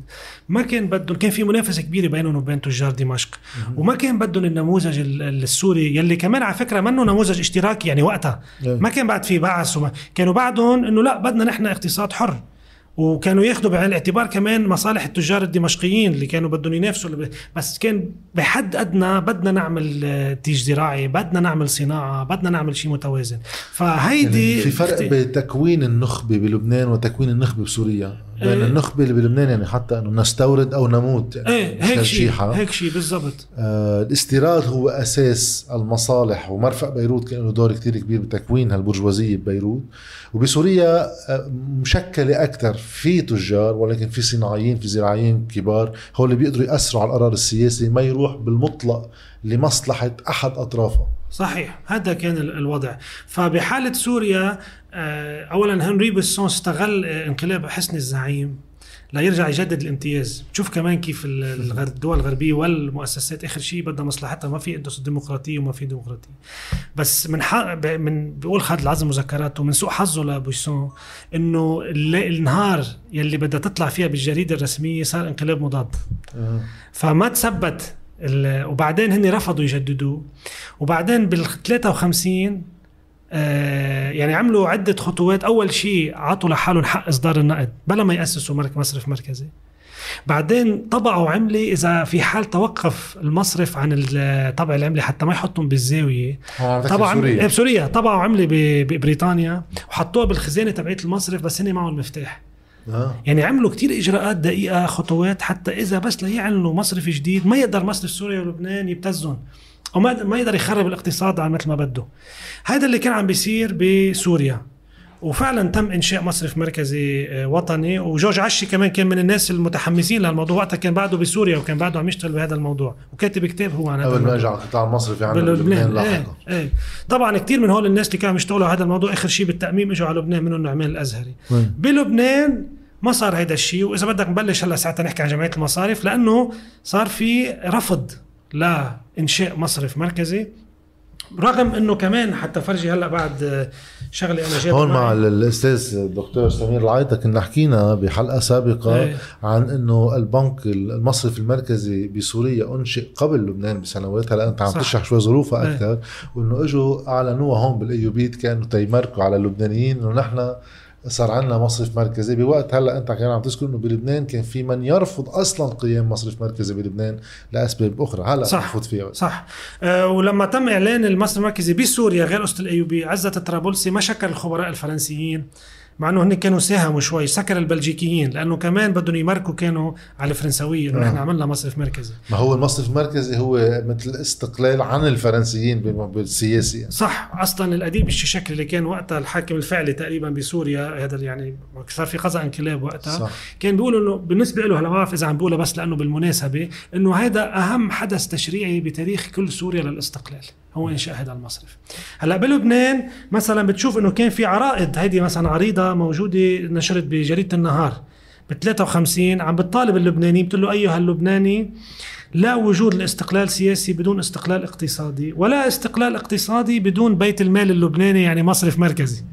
وعم تطلب من المواطن الكريم إنه يشترط على الناخ لما ينتخب إنه يتم تأسيس مصرف مركزي. هذا ب 53 بتشوف إنه الموقعين أدناه هن أحزاب نقابات نسائية وزراعية. يعني, يعني هول كانوا هول إذا بدك كانوا ضد التوجه الحاكم. لأنه توجه الحاكم بجمعية المصارف اللي ما بعرف إذا كانت بوقتها أنشئت ما إيه. أنشئت جمعية المصارف. لا بعدها ما أنشئت ب 53 بقى هون في توجه هو عكس توجه اللي اتخذ سلطه لبنانية. أي. أي. مين هي القوى مثلا جمعيات زراعية موجودة في جمعيات نسائية موجودة. آه بالنسبة للأحزاب آه يعني تقديري بدي أرجع أشوف الانضاءات. يمكن والله الحزب السوري القومي يمكن وحزب التقدم الاشتراكي بس آه، بدي أرجع أطلع على آه. العريضة لأنه صار لي فترة هلأ موضوع خلافي إيه إيه آه في حتى هون حاطين حزب آه، ما انتبهت شو اسمه بس على كل حال أوكي. آه بنرجع بنشوف آه يعني في رئيسة الاتحاد النسائي العربي العام مثلا ماضية على هيك شيء أيه. بس من ناحية الأحزاب بدي أرجع أشوف أي أحزاب آه هي اللي مضت بس الفكرة إنه كان في يعني طلب وتأييد من أجل إنشاء مصرف وصار في معارضة وحتى بنك الصندوق النقد الدولي اجى وقتها آه، بعثة دولية إجت على لبنان بال 55 وقعد شي كذا شهر بلبنان وعمل توصيات ومن ضمن هاي التوصيات بكل وضوح كان إنه إعادة تنظيم القطاع المصرفي وإنشاء مصرف مركزي. إلى جانب آه، خبراء أو اقتصاديين بالجامعة الأمريكية كانوا متأثرين بالمدارس الأمريكية الاقتصادية. بما فيهم اخر شيء طبعا أنا يمكن ذكرت من قبل ببعض المقابلات آه، سليم الحص بس كان في بول خلاط موجود اللي هو بعدين صار مع جمعية المصارف. هلأ بنحكي شوي على الصراع حسب الوثائق الأمريكية لإنشاء المصرف. آه، يوسف سعيد حمادي اللي بيسميه جورج أورم هو عميد الاقتصاديين في لبنان اللي هو أول شخص عمل دراسة موثقة عن التنظيم الاقتصادي لسوريا ولبنان بالثلاثينات.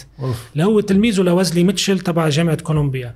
ألبير بدر آه، اللي صار يسميه كمان بسميه بعتقد جورج أورم آه، يعني أول مؤسس المحاسبة في لبنان. اللي هو عمل أول دراسة عن الناتج القومي اللبناني الجي دي بي هول كتير كان لهم دور كتير كبير وجورج حكيم اللي صار وزير بعد كانوا بالدفع باتجاه إنشاء, إنشاء مصرف. مصرف مركزي. وكمان كان في حتى ما يفكروا الناس إنه أصحاب المصارف كلهم كانوا ضد المصرف وإنه كل الجهات الأخرى كانت مع يعني الصناعيين والاقتصاديين. لا المصارف الصغيرة بالبداية كانت كمان مع إنشاء مصرف مركزي. ليش؟ لتنافس وتمنع سطوة مصرف سوريا ولبنان.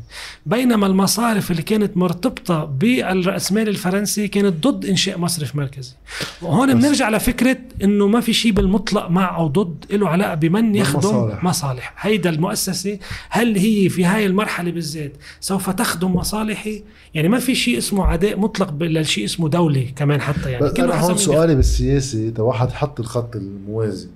اليوم الرأسمال الفرنسي حتى مع خروج فرنسا من لبنان كان له بقي سطوته لفترة من الزمن. معلوم. لأنه المصالح متجذرة أصلا في علاقة انخلقت بين المصالح المحلية والمصالح بفرنسا. من بعدها بلشت فرنسا على الساحة العالمية تضمر أولا تجاه بريطانيا وثم اثنيناتهم تجاه أمريكا. هيدا كيف شعرنا فيه محليا؟ هيدا شعرنا فيه محليا آه، أنا بقدر أحكي أكثر بالقطاع المصرفي. م. طبعا بالقطاعات الاقتصادية الأخرى تقديري إنه اولا صار في توجه نحو الاستيراد والتصدير من الدول العربية. هذا لوحده ابتعاد عن علاقة العضوية مع فرنسا. آه، ثانيا اللي هو كتير مهم هو المال النفطي. اللي بلش يجي على لبنان. واللي هو بالدولار. واللي هو بالدولار واللي هو مرتبط طبعا ببيع النفط.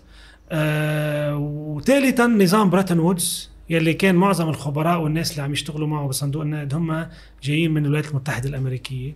صار في كمان دعم لتنمية مثل هلأ يعني بس بدون تشبيه لأسباب أخرى تنمية آه، في خطة الرابعة اسمه يعني الولايات المتحدة أص بدأت تدعم مشاريع معينة تنموية لمجابهة ما يسمى بالنسبة لهم الخطر الشيوعي. فبلش يعني رأس المال الأمريكي يفوت بهاي الطريقة بهيدي الوسائل. بس ما ما ما ألغى وجود راس مال فرنسي يعني بس بلش يصير حاضر كمان. إيه بلش يصير حاضر. هلأ هالشيء بتشوفه مثلا بموضوع المصرف المركزي. يعني من إحدى اكبر من أحد أكبر دعاة المصرف المركزي. كان حدا اسمه ميشيل صعب. كان عنده مصالح بإيران وكان عم بيتواصل مع الأمريكان. كان في مغتربين أمريكيين وحتى بأمريكا اللاتينية. كمان جابوا أموالهم على لبنان بما في بلون بانك مثلا أنا بحكي عن هالموضوع على فكرة إنه هاي المصارف مش بس لبنان يعني صار في توسع بالقطاع المصرفي والمالي. هيدا التوسع اجى على حساب الراسمال الفرنسي. م. كان يا إما عالمي أمريكي أو بالدرجة الكبرى خليجي اللي هو مرتبط بالولايات المتحدة. صحيح. فهيدا الراسمال ببداية الخمسينات كان مع إنشاء مصرف مركزي. بآخر الخمسينات لما حس إنه المصرف المركزي جديد حيكون ينظموا ويقيد له شروط لكل القطاع. رجعوا توحدوا آه يعني الشقي القطاع المصرفي. هلأ بجمعية المصارف بتشوف هالشيء ليش؟ خلينا نحكي شوي عن تاريخ جمعية إيه المصارف. إيه. اي متى تأسس وتحت أي ظروف ولأنه له دور بتأسيس المصرف المركزي نفسه. اولا جمعية المصرف اولا أقدم جمعية لها علاقه بالاقتصاد هي جمعية التجار. لنرجع نشوف نحن أساس اقتصادنا وين وكيف راح. جمعية تجار بيروت 1921 عملوا جمعية. آه، حاولوا المصرفيين يعملوا جمعية بالثلاثينات ما مش الحال ما ما ركبت يعني. بعدين مين تاني جمعية عملوها؟ جمعية الصناعيين ب 43 وبنشوف التاريخ ليه 43 لأنه بالحرب لما صار في آه، يعني انقطاع بالتجارة العالمية صار في تشجيع كتير للصناعات وصار في آه، يعني استثمارات صناعية وصار في عندنا صناعة يعني بشكل جدي نسبيا. آه، وهيدا هو اللي حاربوه جماعة ميشيل شيحة بعد ما خلصت الحرب وكانوا بدهم يعيدوا عقارب الساعة إلى الوراء وإعادة التركيز ال- يعني العلاقة التجارية مع الخارج. إيه إيه إيه والاستيراد بالتحديد يعني إيه. ف ما هو أصلا إذا ما في عندك صناعة وما في عندك إنتاج ما أنت بدك بس تستورد ما. فيك تصدر فهن أصلا آه، ثروة آه، جمعية تجار بيروت يعني أغلب تجار بيروت جاية بشكل أساسي من عملية استيراد وتصدير استيراد بشكل أساسي مرفق بيروت وهيدا احتاج مصارف كانت لها علاقة بالفرنسيين لأنه كان الراسمال الفرنسي هو أساسي بموضوع الاستيراد نفسه فالعلاقة تبع ميشيل شيحة لأنه جاي من هذا المحل مباشرة بصدام وصراع مع الصناعات الناشئة. ناشئة صحيح. مع إنه مثل ما بيحكي بعتقد آه، رمزي بارودي بيحكي إنه كان في كمان تداخل مصالح. اللي هو على فكرة بعدين بطرس الخوري أحد أهم اقتصاديي لبنان عمل شيء اسمه الهيئات الاقتصادية اللي هلأ نحن بنسمع عنها. ليجمع التجار مع الصناعيين مشان ما يختلفوا مع بعض ويركزوا جهودهم كلها نحو آه، الصراع مع النقابات ومع الدولة. يعني صار في هذا الصراع بعدين ات- تم آه، استيعابه. أي متى هذا الشيء صار؟ هذا صار بالستينات. بالستينات. إيه.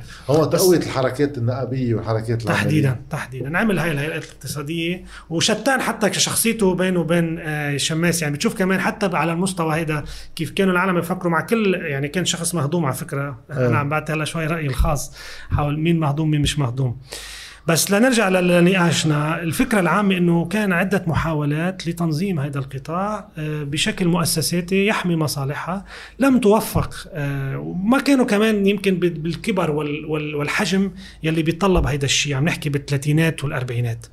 بالخمسينات لما صار في هاي الطفرة المصرفية اللي عم نحكي عنها إضافة للأموال اللي إجت من الخليج هيدا صارت أكثر بكتير بعدين بالستينات.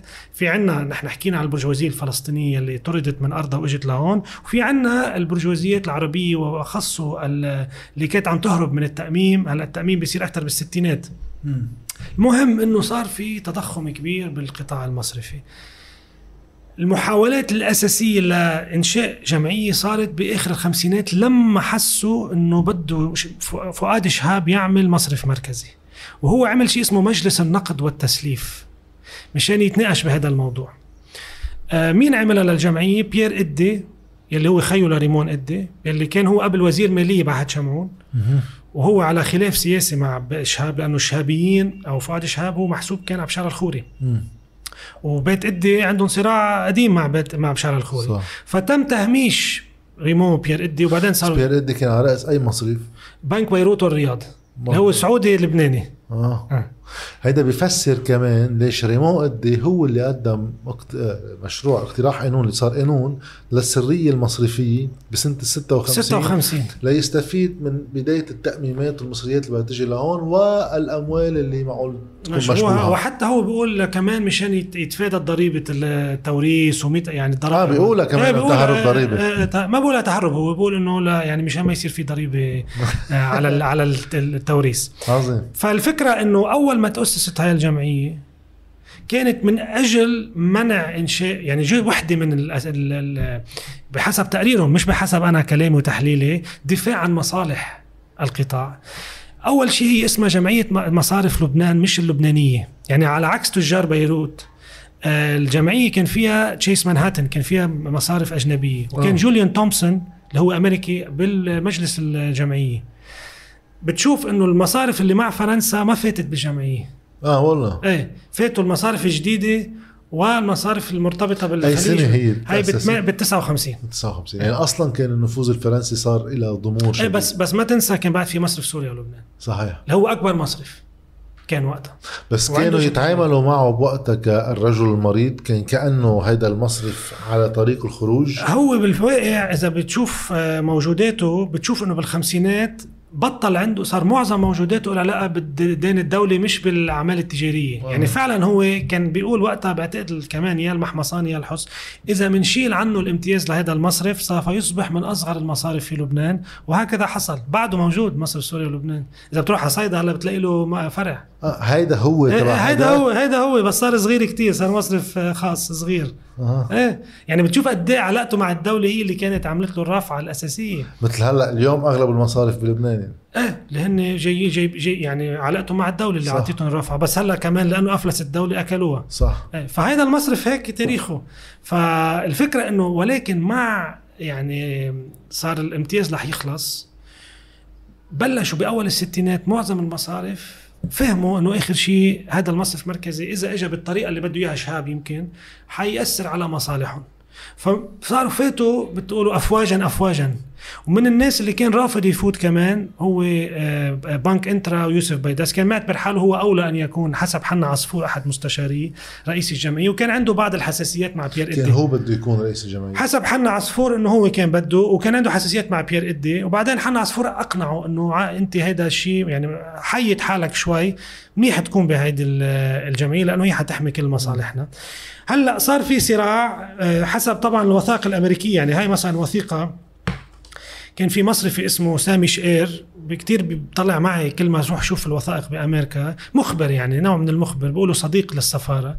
يخبر كل خبريات المصرفيين يروح يخبرهم للسفارة. هو مثل ويكيليكس يعني إيه يعني. هول ويكيليكس أقدم يعني. آه. هاي هيدي مثلا الوثيقة بتفصل الصراع الخفي اللي صار و- بين آه، بحسب الأمريكان وحسب شقير كان في ثلاث معسكرات. كان في المعسكر الفرنسي اللي هو مصرف سوريا ولبنان يلي كان داعمه جوزيف اوغورليون إحنا ما حكينا عنه بس هو فعلا يعني الأب الروحي وحتى العملي ل للقطاع المص... عفوا لقانون النقد والتسليف ومصرف لبنان. هو شو كان يشغل؟ اوغورليون بلش يشتغل مستشار للفرنسيين تحت الاحتلال مالي بالثلاثينات.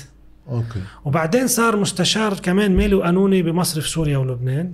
وبعدين تم آه، يعني إعطائه مهمة كتابة قانون النقد والتسليف. وصار نائب حاكم أول لأول مصرف مركزي. أوف. إيه. إيه، بوقتها كان هو جزء من أي بوقتها كان مع مصرف سوريا ولبنان وكان مع المصالح الفرنسية. okay.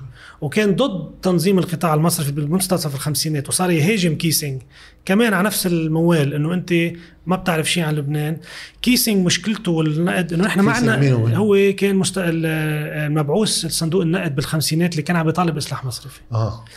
وكان عم بيقولوا إنه إحنا مشكلتنا مع لبنان لأنه كان اقتصاده مع الاقتصاد السوري قبل ما عندنا إحصاءات و data منفصلة عن لبنان. وشو قال له أوغورليون؟ قال له ما نحن لأنه اقتصادنا حر وبسموها عندنا invisibles يعني موارد غير منظورة ما عندنا هاي ال data. فلشو انت عتلان هم هالقد ال data؟ يعني صار يستسخف يكون عندنا إحصاءات إنه إحنا أهم أهمي أهم شيء يكون عندنا هذا الاقتصاد المنفتح. أوغورليون كان أقرب لما يعني مش أقرب هو كان بيشتغل مصرف سوريا ولبنان. فعندك اوغورليون وكان معه آه، بيير جميل ما هو بتشوف كيف السياسيين يعني كان حدا عم يدعم كل معسكر. بيير جميل شو له علاقة فيه؟ آه، كان أقرب للمصالح الفرنسيه آه okay. ويعني بالنهاية هو أقرب لفرنسا. فكان من هاي كان في أقطاب من هاي الوجهة من دون النظر. تنظيم القطاع المصرفي آه، كان لا بالصراع حول قانون النقد والتسليف كان مع لحتى تكون دقيقين يرخي لا. لا, لا, لا نكون دقيقين هيدا المعسكر بده يخلي مصرف سوريا ولبنان. آه. يعني جدد له امتياز فعلاً. جدد له امتياز بس إنه والله بيعطي العملة ممكن تطبع العملة مثلا الدولي. يعني أنا بدي أرجع ما بدي فوت هلأ بالتفاصيل لأنه مش كل الفكرة العامة إنه كانوا بده يخلوا مصرف سوريا ولبنان وإنه ما دورنا ننظم القطاع وإنه هو بعده عم يعمل دوره. هلأ في بعض الأمور يمكن كانوا مستعدين يساوموا فيها. أوكي. المعسكر الآخر اللي هو كان آه، بحسب كمان يعني شقير المصالح البريطانية وكان بنك إنترا. ماشي معه. هلا ما ما فسر ليش أنا ما شفت هذا الرابط شو السبب يعني ما مش مقتنع كثير بهالموضوع. بس يبدو كان يوسف بيداس عم يشتغل على كل الأطراف. آه. يعني حاول يجيب وثالث معسكر كان بول خلاط اللي حكينا عنه اللي كان اقتصادي بالجامعة الامريكيه هيدا كان مقرب من جمعية المصارف وكان أقرب شيء لرشيد كرامي رشيد كرامي كان قريب لهذا المعسكر. okay. وحتى بس نحط يعني بالجو لما صار في حكومة بعهد شهاب على فكرة وقتها هي صار في حكومة صلاحيات استثنائية وصار في تشريع لكل إعادة يعني نفض كبير لهيكلية الدولة اللبنانية. كان في عنده حكومة مصغرة. صحيح. وكان رشيد كرامي وبيير جميل من الأقطاب الأساسيين يلي استخدمهم فؤاد شهاب للوقوف في وجه النخبة السياسية التقليدية مم. الموجودة. فبتشوف إنه كرامي كان أقرب لهذا المعسكر اللي هو أقرب لأمريكا وجمعية المصارف والمال العربي. وعندك آه، بيير جمي الأوغوريان أقرب للفرنسي. وفي هيدي اللي عم يحكي عنها بيدس يعني عنده كان عنده حيثيته هو. أي.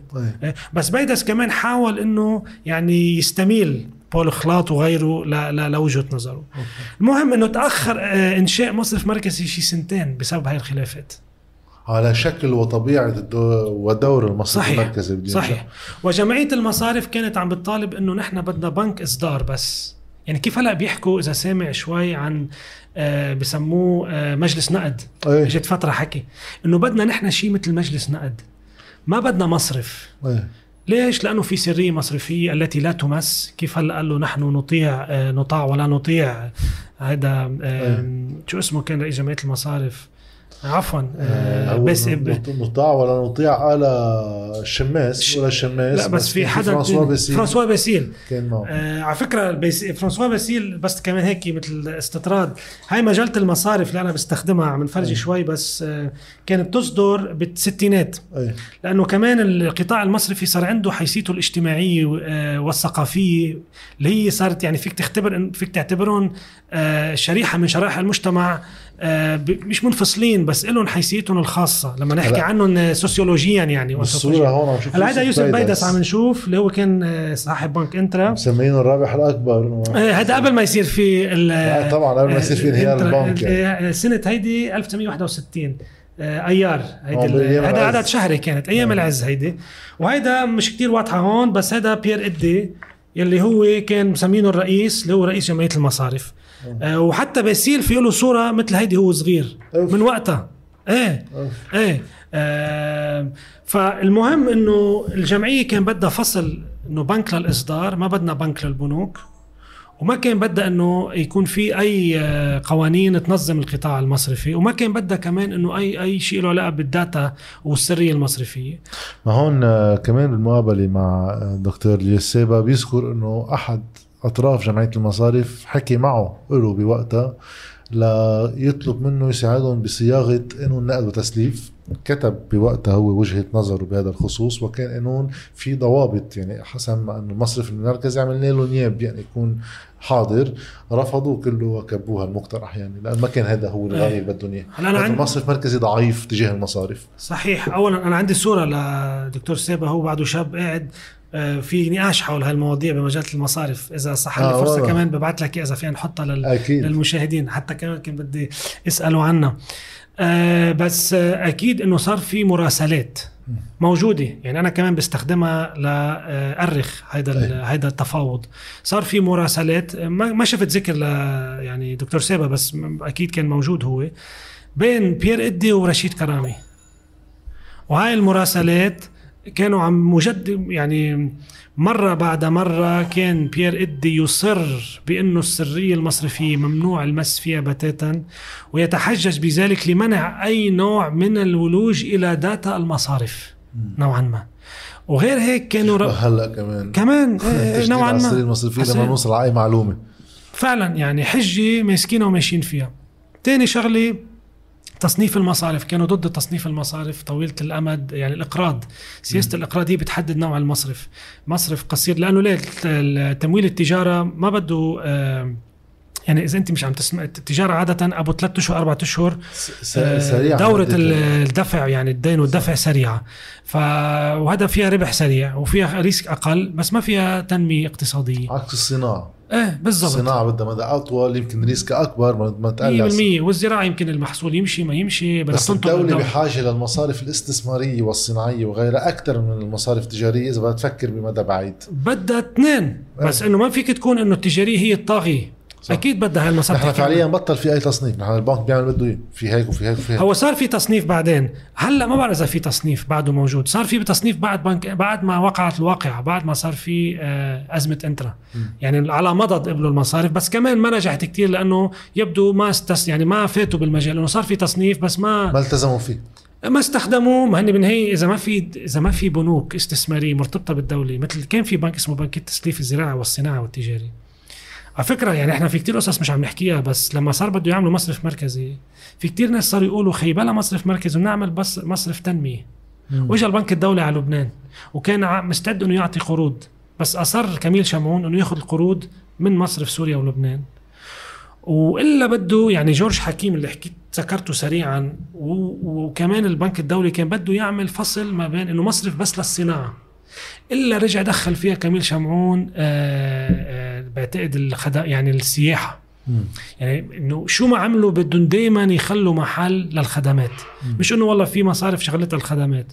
المهم إنه هيدي الشروط اللي حطتها جمعية المصارف كان كمان في خلاف على الاحتياطي. كيف هلا في احتياطي الزامي قد إيه نسبته؟ ما كان بدهم أي نسبة تنحط. وحط نسبة كتير ضئيلة وقتها المصرف المركزي شي 2.5% ولم يفرض أي كمان احتياطي إلا بعد ما صارت أزمة إنترا.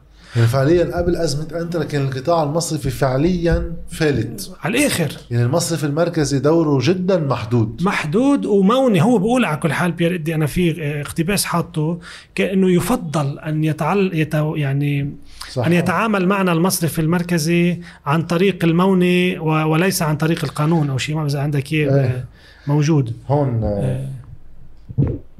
قد يجد المصرف المركزي أن التعاون مع جمعية المصارف هو الوسيلة الفضلى للحقول دون الانحرافات بالتفاهم بدل الإكراه وبالإقناع بدل النصوص. خد لك يعني إنه بدل قانون. إيه. إنه بدكم بس مثل هلأ إنه مالنا آه، الحك... آه، خطة الحكومة بدنا نقتنع فيها. إذا ما اقتنعنا فيها ما بنعملها. قانون لا. قانون لا. يعني قال لك يعني نصوص. فعليا أنا بدي أكون شريك في الحكم.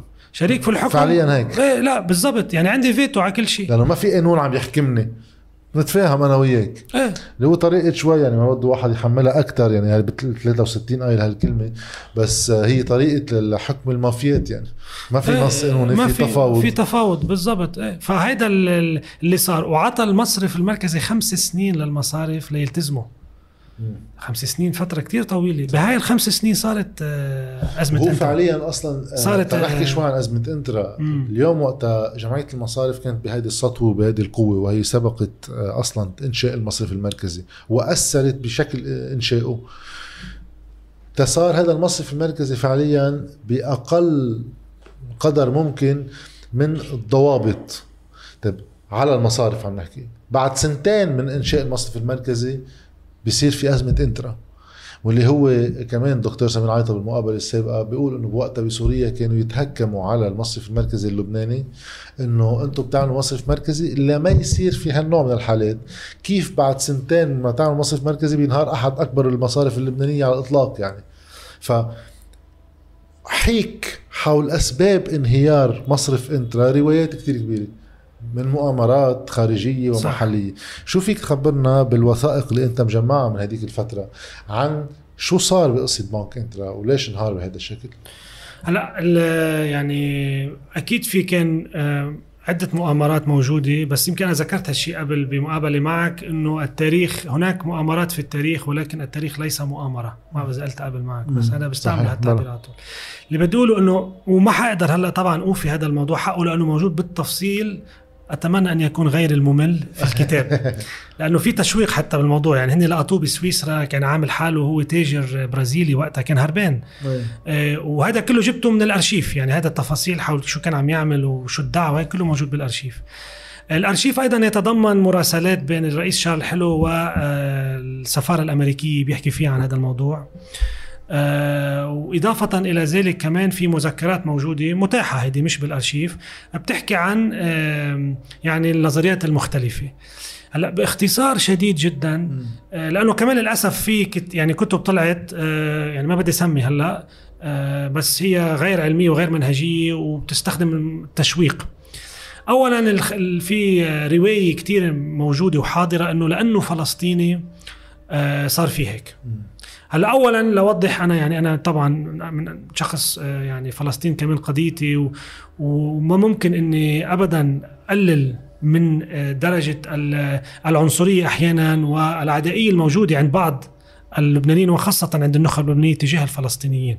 بس هيدا ما بيمنعنا أو ما بيخلينا ما لازم لأنه في هيك ما نطلع على السجل التاريخي. ونحكم على اللي صار بحسب فعلا الموجود. فأول نقطة بدي أقولها إنه أكيد يعني لا شك إنه كان يمكن في حساسيات. بس خلينا ما ننسى بجو طائفي مثل لبنان بيدس مسيحي. يعني كمان في هوية مشتركة لأنه يعني إذا كان هو فلسطيني ما هو أيضا مسيحي. متزوج لبنانية أمه لبنانية. كان أحد الناس اللي كانوا ضده صائب إسلام وعبد الله اليافي هول ما عندهم مشكلة مع فلسطين. يعني ما فيك تقول إنه لأنه فلسطيني. صح. فاللي أنا بحكيه بالكتاب شغلتين.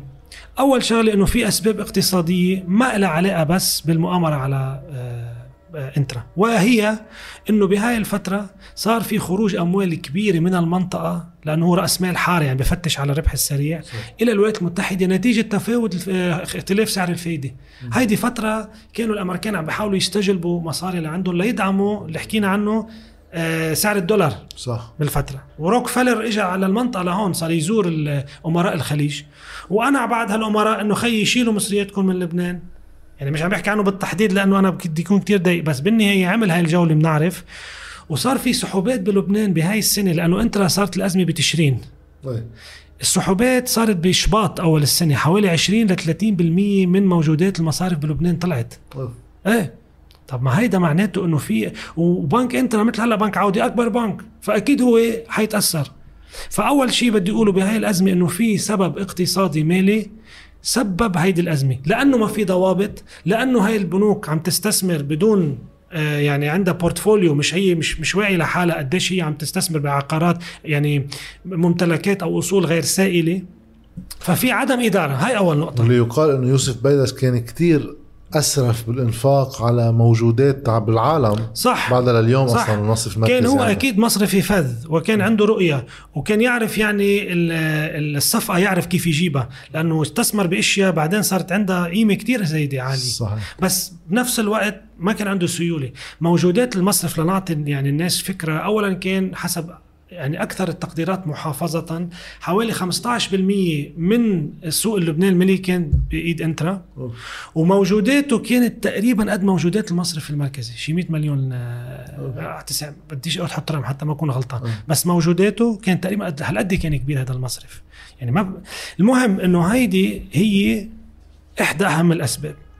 نجي هلا للي اللي صار اللي هي اللي إنه اللي صار فيه آه، سحوبات وخافت الناس وركضوا على البنك. هل في حدا هو اللي عمل هاي الشائعات ولا لا؟ ما حفوت بالتفاصيل بس بيدس مثل غيره كان يدفع للسياسيين وكان يوظف سياسيين عنده ويعطيهم آه، مصاري.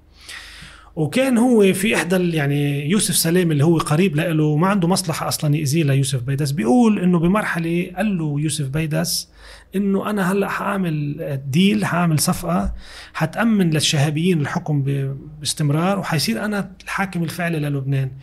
باختصار بياخد قرض قرض من مصرف لبنان بفايدة متدنية وبيوصفه بفايدة أعلى والفرق المصاري بيمول فيها حملة انتخابية للياس سركيس. هاي كانت الفكرة. سركيس عم نحكي بال 64 يعني. عم تخلص عهد فؤاد شهاب إيه هو الياس سركيس كان هو مدير قصر شارل حلو. بعدين صار آه، مص- أول حاكم, حاكم مصرف مركزي. إيه. وما حكينا عن فيليب تقلا اللي كان أول حاكم مصرف واللي كان كمان وزير خارجية وهيدا بيعارض قانون النقد والتسليف يعني من وقتها كانوا عم يخرقوا القانون من بدايته من بدايته المهم بس طبعا مع فارق هلأ اليوم لأنه كمان راح المحكمة وأدلى بشهادته فيليب تقلا واخر المطاف شالوه وحطوا الياس سركيس نحن بعدنا هلأ سنتين وبعدنا مع رياض سلامه. المهم 30 سنة. إيه إيه. المهم إنه آه، اللي بدي أقوله إنه بيدس أنا برأيي كان عنده مشكلة بالمصرف تبعه نتيجة هذا التوسع ولكن عندما حدثت الأزمة لم يهب المصرف المركزي والآخرين لنشته هذا الفرق. لأنه يعني وقت كانوا شايفينه خصم. صح بس شايفينه خصم برأيي مش لأنه فلسطيني بالتحديد لا لأنه عم يحاول يستولي عليه المحتكر الأكبر في لبنان وأكبر سمكة موجودة. وبهيدي الحالة ليش ما قدر هو يح- يحمي حاله؟ لأنه هون أنا بجيب فكرة الرأسمال الاجتماعي مش المالي. لأنه هو يوسف بيدس لا ينتمي إلى العائلات المس... يعني لو كان بيت سلام مثلا أنا عم سمي لأقول هون هن الحك... كانوا أيه. لهم دور ما عم بحكي على الأشخاص. صح. آه، البيوتات الأساسية بلبنان يعني كان بيت إدي إن كان بيت إسلام ب- يعني هاي الب- كان لاقى مين؟ آه، ينجدوه ك- بالضبط. هذا أنا رأيي. هو مشكلته إنه ما عنده كان رأس مال اجتماعي بهذا البلد. هيدا اللي بالنهاية ما اجى حدا لنشته استفردوا فيه وشو عملوا؟ أغرقوا إنترا وأنقذوا القطاع وعملوا إجراءات عديدة آه يعني اجى وقتها آه يعني ما بدي فوت كمان بالتفاصيل كتير بس اجى روجيه تمرز على لبنان هيدي على فكرة روجيه تمرز بيعرف عن روجيه تمرز اللي هو كان يعني مقرب جدا من أمين جمال بالثمانينات ظهر بالثمانينات. آه، أول إطلالة له بين مزدوجين إطلالة إلى لبنان كانت عبر إعادة تعويم بنك إنترا كممثل لشركة آه، آه، كدر بيبودي. فالمهم إنه انترا آه، يعني مؤامرات بحكي عنها بالتفصيل وبفندك الوحدة وبحط يعني أنا شو فرضيتي اللي هي أكثر بالنسبة لي هي الأكثر ترجيحا. ترجيحا. الرئيس إيه. اللبناني شغل حلو أنت ذاكر ببداية الشابتر يعني كان اختيارنا الامتناع عن دعم إنترا ودعم سائر المصارف في لبنان أهون الشرين لا بل أفضل الحلول وأنجعها.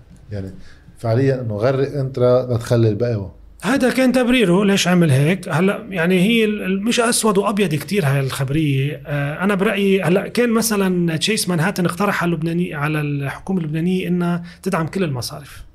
هن ما عملوا هيك. عطوا أول شيء انترا 15 مليون ليرة. طلب أكثر طلبوا منه آه، يعني صكوك بتبرهن آه، موجوداته إنه هي إنه هو سائل يعني مليء عفوا مليء يعني منه منه مفلس على الآخر. مش منه مفلس بدي يكون دقيق. إنه بيقدر بالمدى البعيد يرجع يدفع كل ديوناته.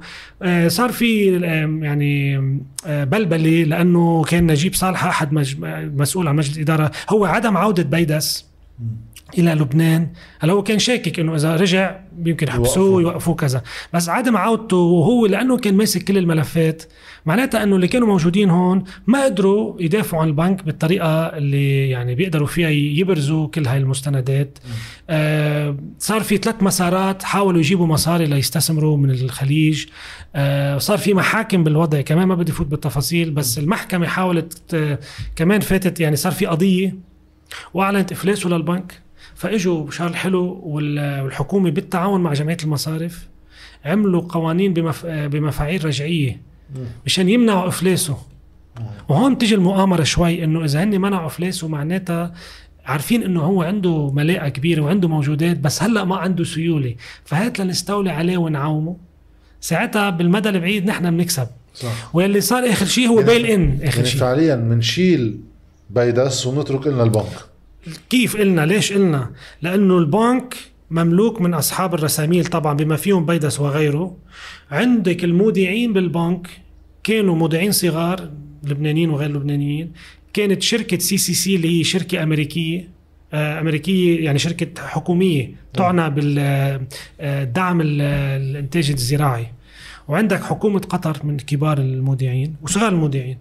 شو عملت؟ هيدي على فكرة من يمكن من أول البيل إنز اللي صارت حتى بال ما إذا بالتاريخ يعني. يعني هون روجيه تمرز هو اللي كان يعني عم بي آه يخرجها. تمرز واحد لازم يذكر إنه له اتصال قوي بالأمريكيين يعني. طبعا. واصلا الأرشيف أنا كثير اعتمدت على الأرشيف بهذا الموضوع.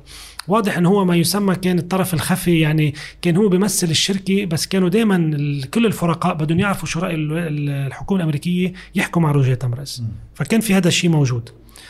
المهم إنه آه شو عمل روجيه تمرز عمل بيل ان وقتها. آه المودعين صغار المودعين دفعوا لهم مصرياتهم كلهم تحت ال 15000 أو هيك شيء هلا عم يعملوا رياض سلامه معنا. إيه بس عملوها وقتها من دون آه شو تعويم عمله إيه. يعني عطوا الناس حقهم. صح صح مش إنه اعطوني إياهم بهيركت 400 ب 400 إيه لا لا لا اللي عملوه آه، عطوا مثل لا بالعكس لو عملوا مثل ما عملوا وقتها كان هلأ كل الناس اللي معها مصاري بالبنك تحت ال 100000 دولار كان طلع لها 100000 دولار. م. وقتها هيك عملوا هن لنكون لأنه كان سعر الصرف ثابت على ثلاثة وشوي. صح. إيه. فعطوا صغار المودعين عطوا كل شيء. ومين صار عندهم حقوق المودعين؟ الدولة اللبنانية. آه. صار في عندك أربعة هلا الدولة اللبنانية وحكومة قطر وال CCC سي وشو قلنا مين قلنا؟ آه، آه، آه، يمكن هول ثلاثة الفرقاء الأساسيين. هول هلا تملكوا البنك يعني المودعين الكبار تملكوا البنك. وساعتها ناس مثل نجيب علم الدين اللي بيعرفوه مثلا كان مشهور وقتها أحد كمان ال يعني ال الاقتصاديين البارزين وما بعرف إذا كان له دور بالسياسة يعني جننا جنونه مثل ما بقولوا إنه نحن أصحاب البنك طلعنا مفلسين وأنتم أخذتوا البنك. طيب. فعملوا بيل ان ساعتها وضمن هاي ال bail-in بتشوف إنه في كتير كان تفاوض مع عدة أفرقاء بس كان دائما يتم افشال آه يعني آه مقترحات أخرى غير Kidder Peabody آه وهون أنا بحكي شوي عن ال- الشبكات ما فوق السيادية بسميها. اللي هي أشخاص مثل روجيه تمرز مثل آه، بول باركر. هذا كان مستشاره لبيدس بس كمان كان مستشار سابق للوزارة الأمريكية. أو يو أو آه، يوجين بلاك اللي كان مستشار الكويت وبنفس الوقت كان قبل له علاقة بصندوق النقد وبجون كينيدي. هول العالم كانوا عندهم آه، مثل يعني نفوذ. نفوذ وقدرة إنهم يشوفوا كل شيء من من منظور كتير واسع. وهن آخر شيء نوعا ما فرضوا أو ساهموا بفرض ال- الحل الأخير. ففي كيف عندنا كان شكله الحل الأخير؟ الحل الأخير هو مثل ما قلت هلا اللي شرحته اللي هو بتعطي المودعين آه إيه بس قصدي كيف وصل ليصير بنك إنترا جزء من ممتلكات مصرف لبنان؟ كانه وضع عليه ما هو الدولة صار عندها جزء بال صار عندها ملكية. مع إن الخم... الخ... الخ... المودعين الصغار كلهم ما قديش كان نسبتهم؟ 30 40% هولي أخذوا مصريات وعطوا حقوقهم للدولة. للدولة. فالدولة هي صارت تملكت أصول المصرف ما هو طلع بعدين تبين كمان في خلافات إنه عنده موجودات كتير كبيرة المصرف صح. يعني منه هالقد لا هو وضعه متعسر لأنه ما عنده سيولة أيه. بس وقتها صار في كذا تقرير إجت Price Waterhouse وإجت آه، آه، شركة تانية وصار في خلاف إنه هاي التقديرات صح ولا لا. ويعني ما قدروا وقتها يحددوا صار في معمعة وما قدروا يعرفوا إنه فعلا هو. هيدي المعمعة هي هامش المؤامرة يمكن. إيه إيه. فصار في حل لإنترا. وبعد ما حلوا قصة إنترا قعدوا يشتغلوا على إعادة هيكلة النظام المصرفي بأسره. وهون خلقت ثلاث أهم مؤسسات جديدة. بالنظام المصرفي اللي هي مؤسسة ضمان الودائع مشان ما تصير. صح. ولكن للأسف بدل ما يضلوا يجددوها طبعا هلأ بنعرف إنه عدد السقف كان هلأ 3 مليون صار 5 75 مليون. مليون علوا لل 75 مليون. طب معقول لليوم بعده من وقتها؟ ما بعرف قديش كان وقتها يعني. بس مؤسسة ضمان الودائع الهيئة المصرفية العليا اللي هي تولد دمج وتسكير وإعادة هيكلة مصارف وقتها يعني في عشر مصارف وقتها يا سكرت يا تم إعادة دمجها. ولجنة الرقابة على المصارف يلي حطوا سليم الحس أول آه، رئيس لها وكان وقتها لياس سركيس كمان حطوه يعني هو كان أشرف على هاي العملية لأنه فيليب تقلى خلص يعني صار رصيده بالأرض صح. وبدهم حدا عنده قدرة إدارية وكان فعلا هو الياس سركيس وسليم الحس يعني عندهم هاي القدرة وهذا يمكن احدى أسباب إنه بعدين لما اجى الياس سركيس رئيس حك... آه، جمهورية بالسبعينات جاب سليم الحس آه، وحطه رئيس آه، حكومة. فهذا التحول الكبير اللي صار اللي أنا بسميه يعني خلقوا شيء اسمه المصرف البيك- البيروقراطي والمصرف التكنوقراطي. ليه؟ لأنه بط صار بدك تكون متخصص كتير بالقوانين و- لتقدر تدير المصرف وعلاقته اللي هو موجود بكتير بلدان مش عم نقول مش موجود. بس عندنا لهالفترة اللي صار فيها هيدا هيدا الهيكل الموجود.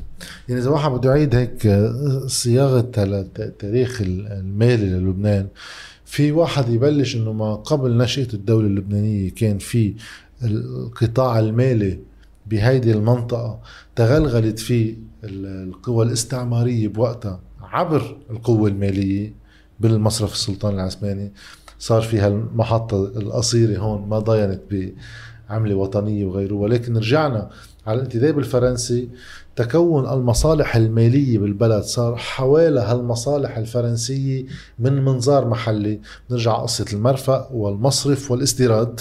هذا المثلث كانوا هن وبعض التصدير الزراعي من وبعض التبغ التصدير مثلا. الزراعي واللي هو له تاريخه حتى. صار في فترة انتقالية بالصراع الفرنسي البريطاني اللي ما امتد طويلا مع السطوة الأمريكية اللي إجت على المنطقة واللي لحقوها اللبنانيين. الانفصال عن سوريا كان انفصال بالنخب وبالتوجهات المحلية بين بلد عم بينبش عن اللي يسمى هلا الدايفرسيفيكيشن شوي للمصالح بين مصالح صناعية وزراعية وأيضا في استيراد فيها. بينما هون نحن صار الاستيراد هو الأساس تبع البنيان الاقتصادي اللبناني من وقتها.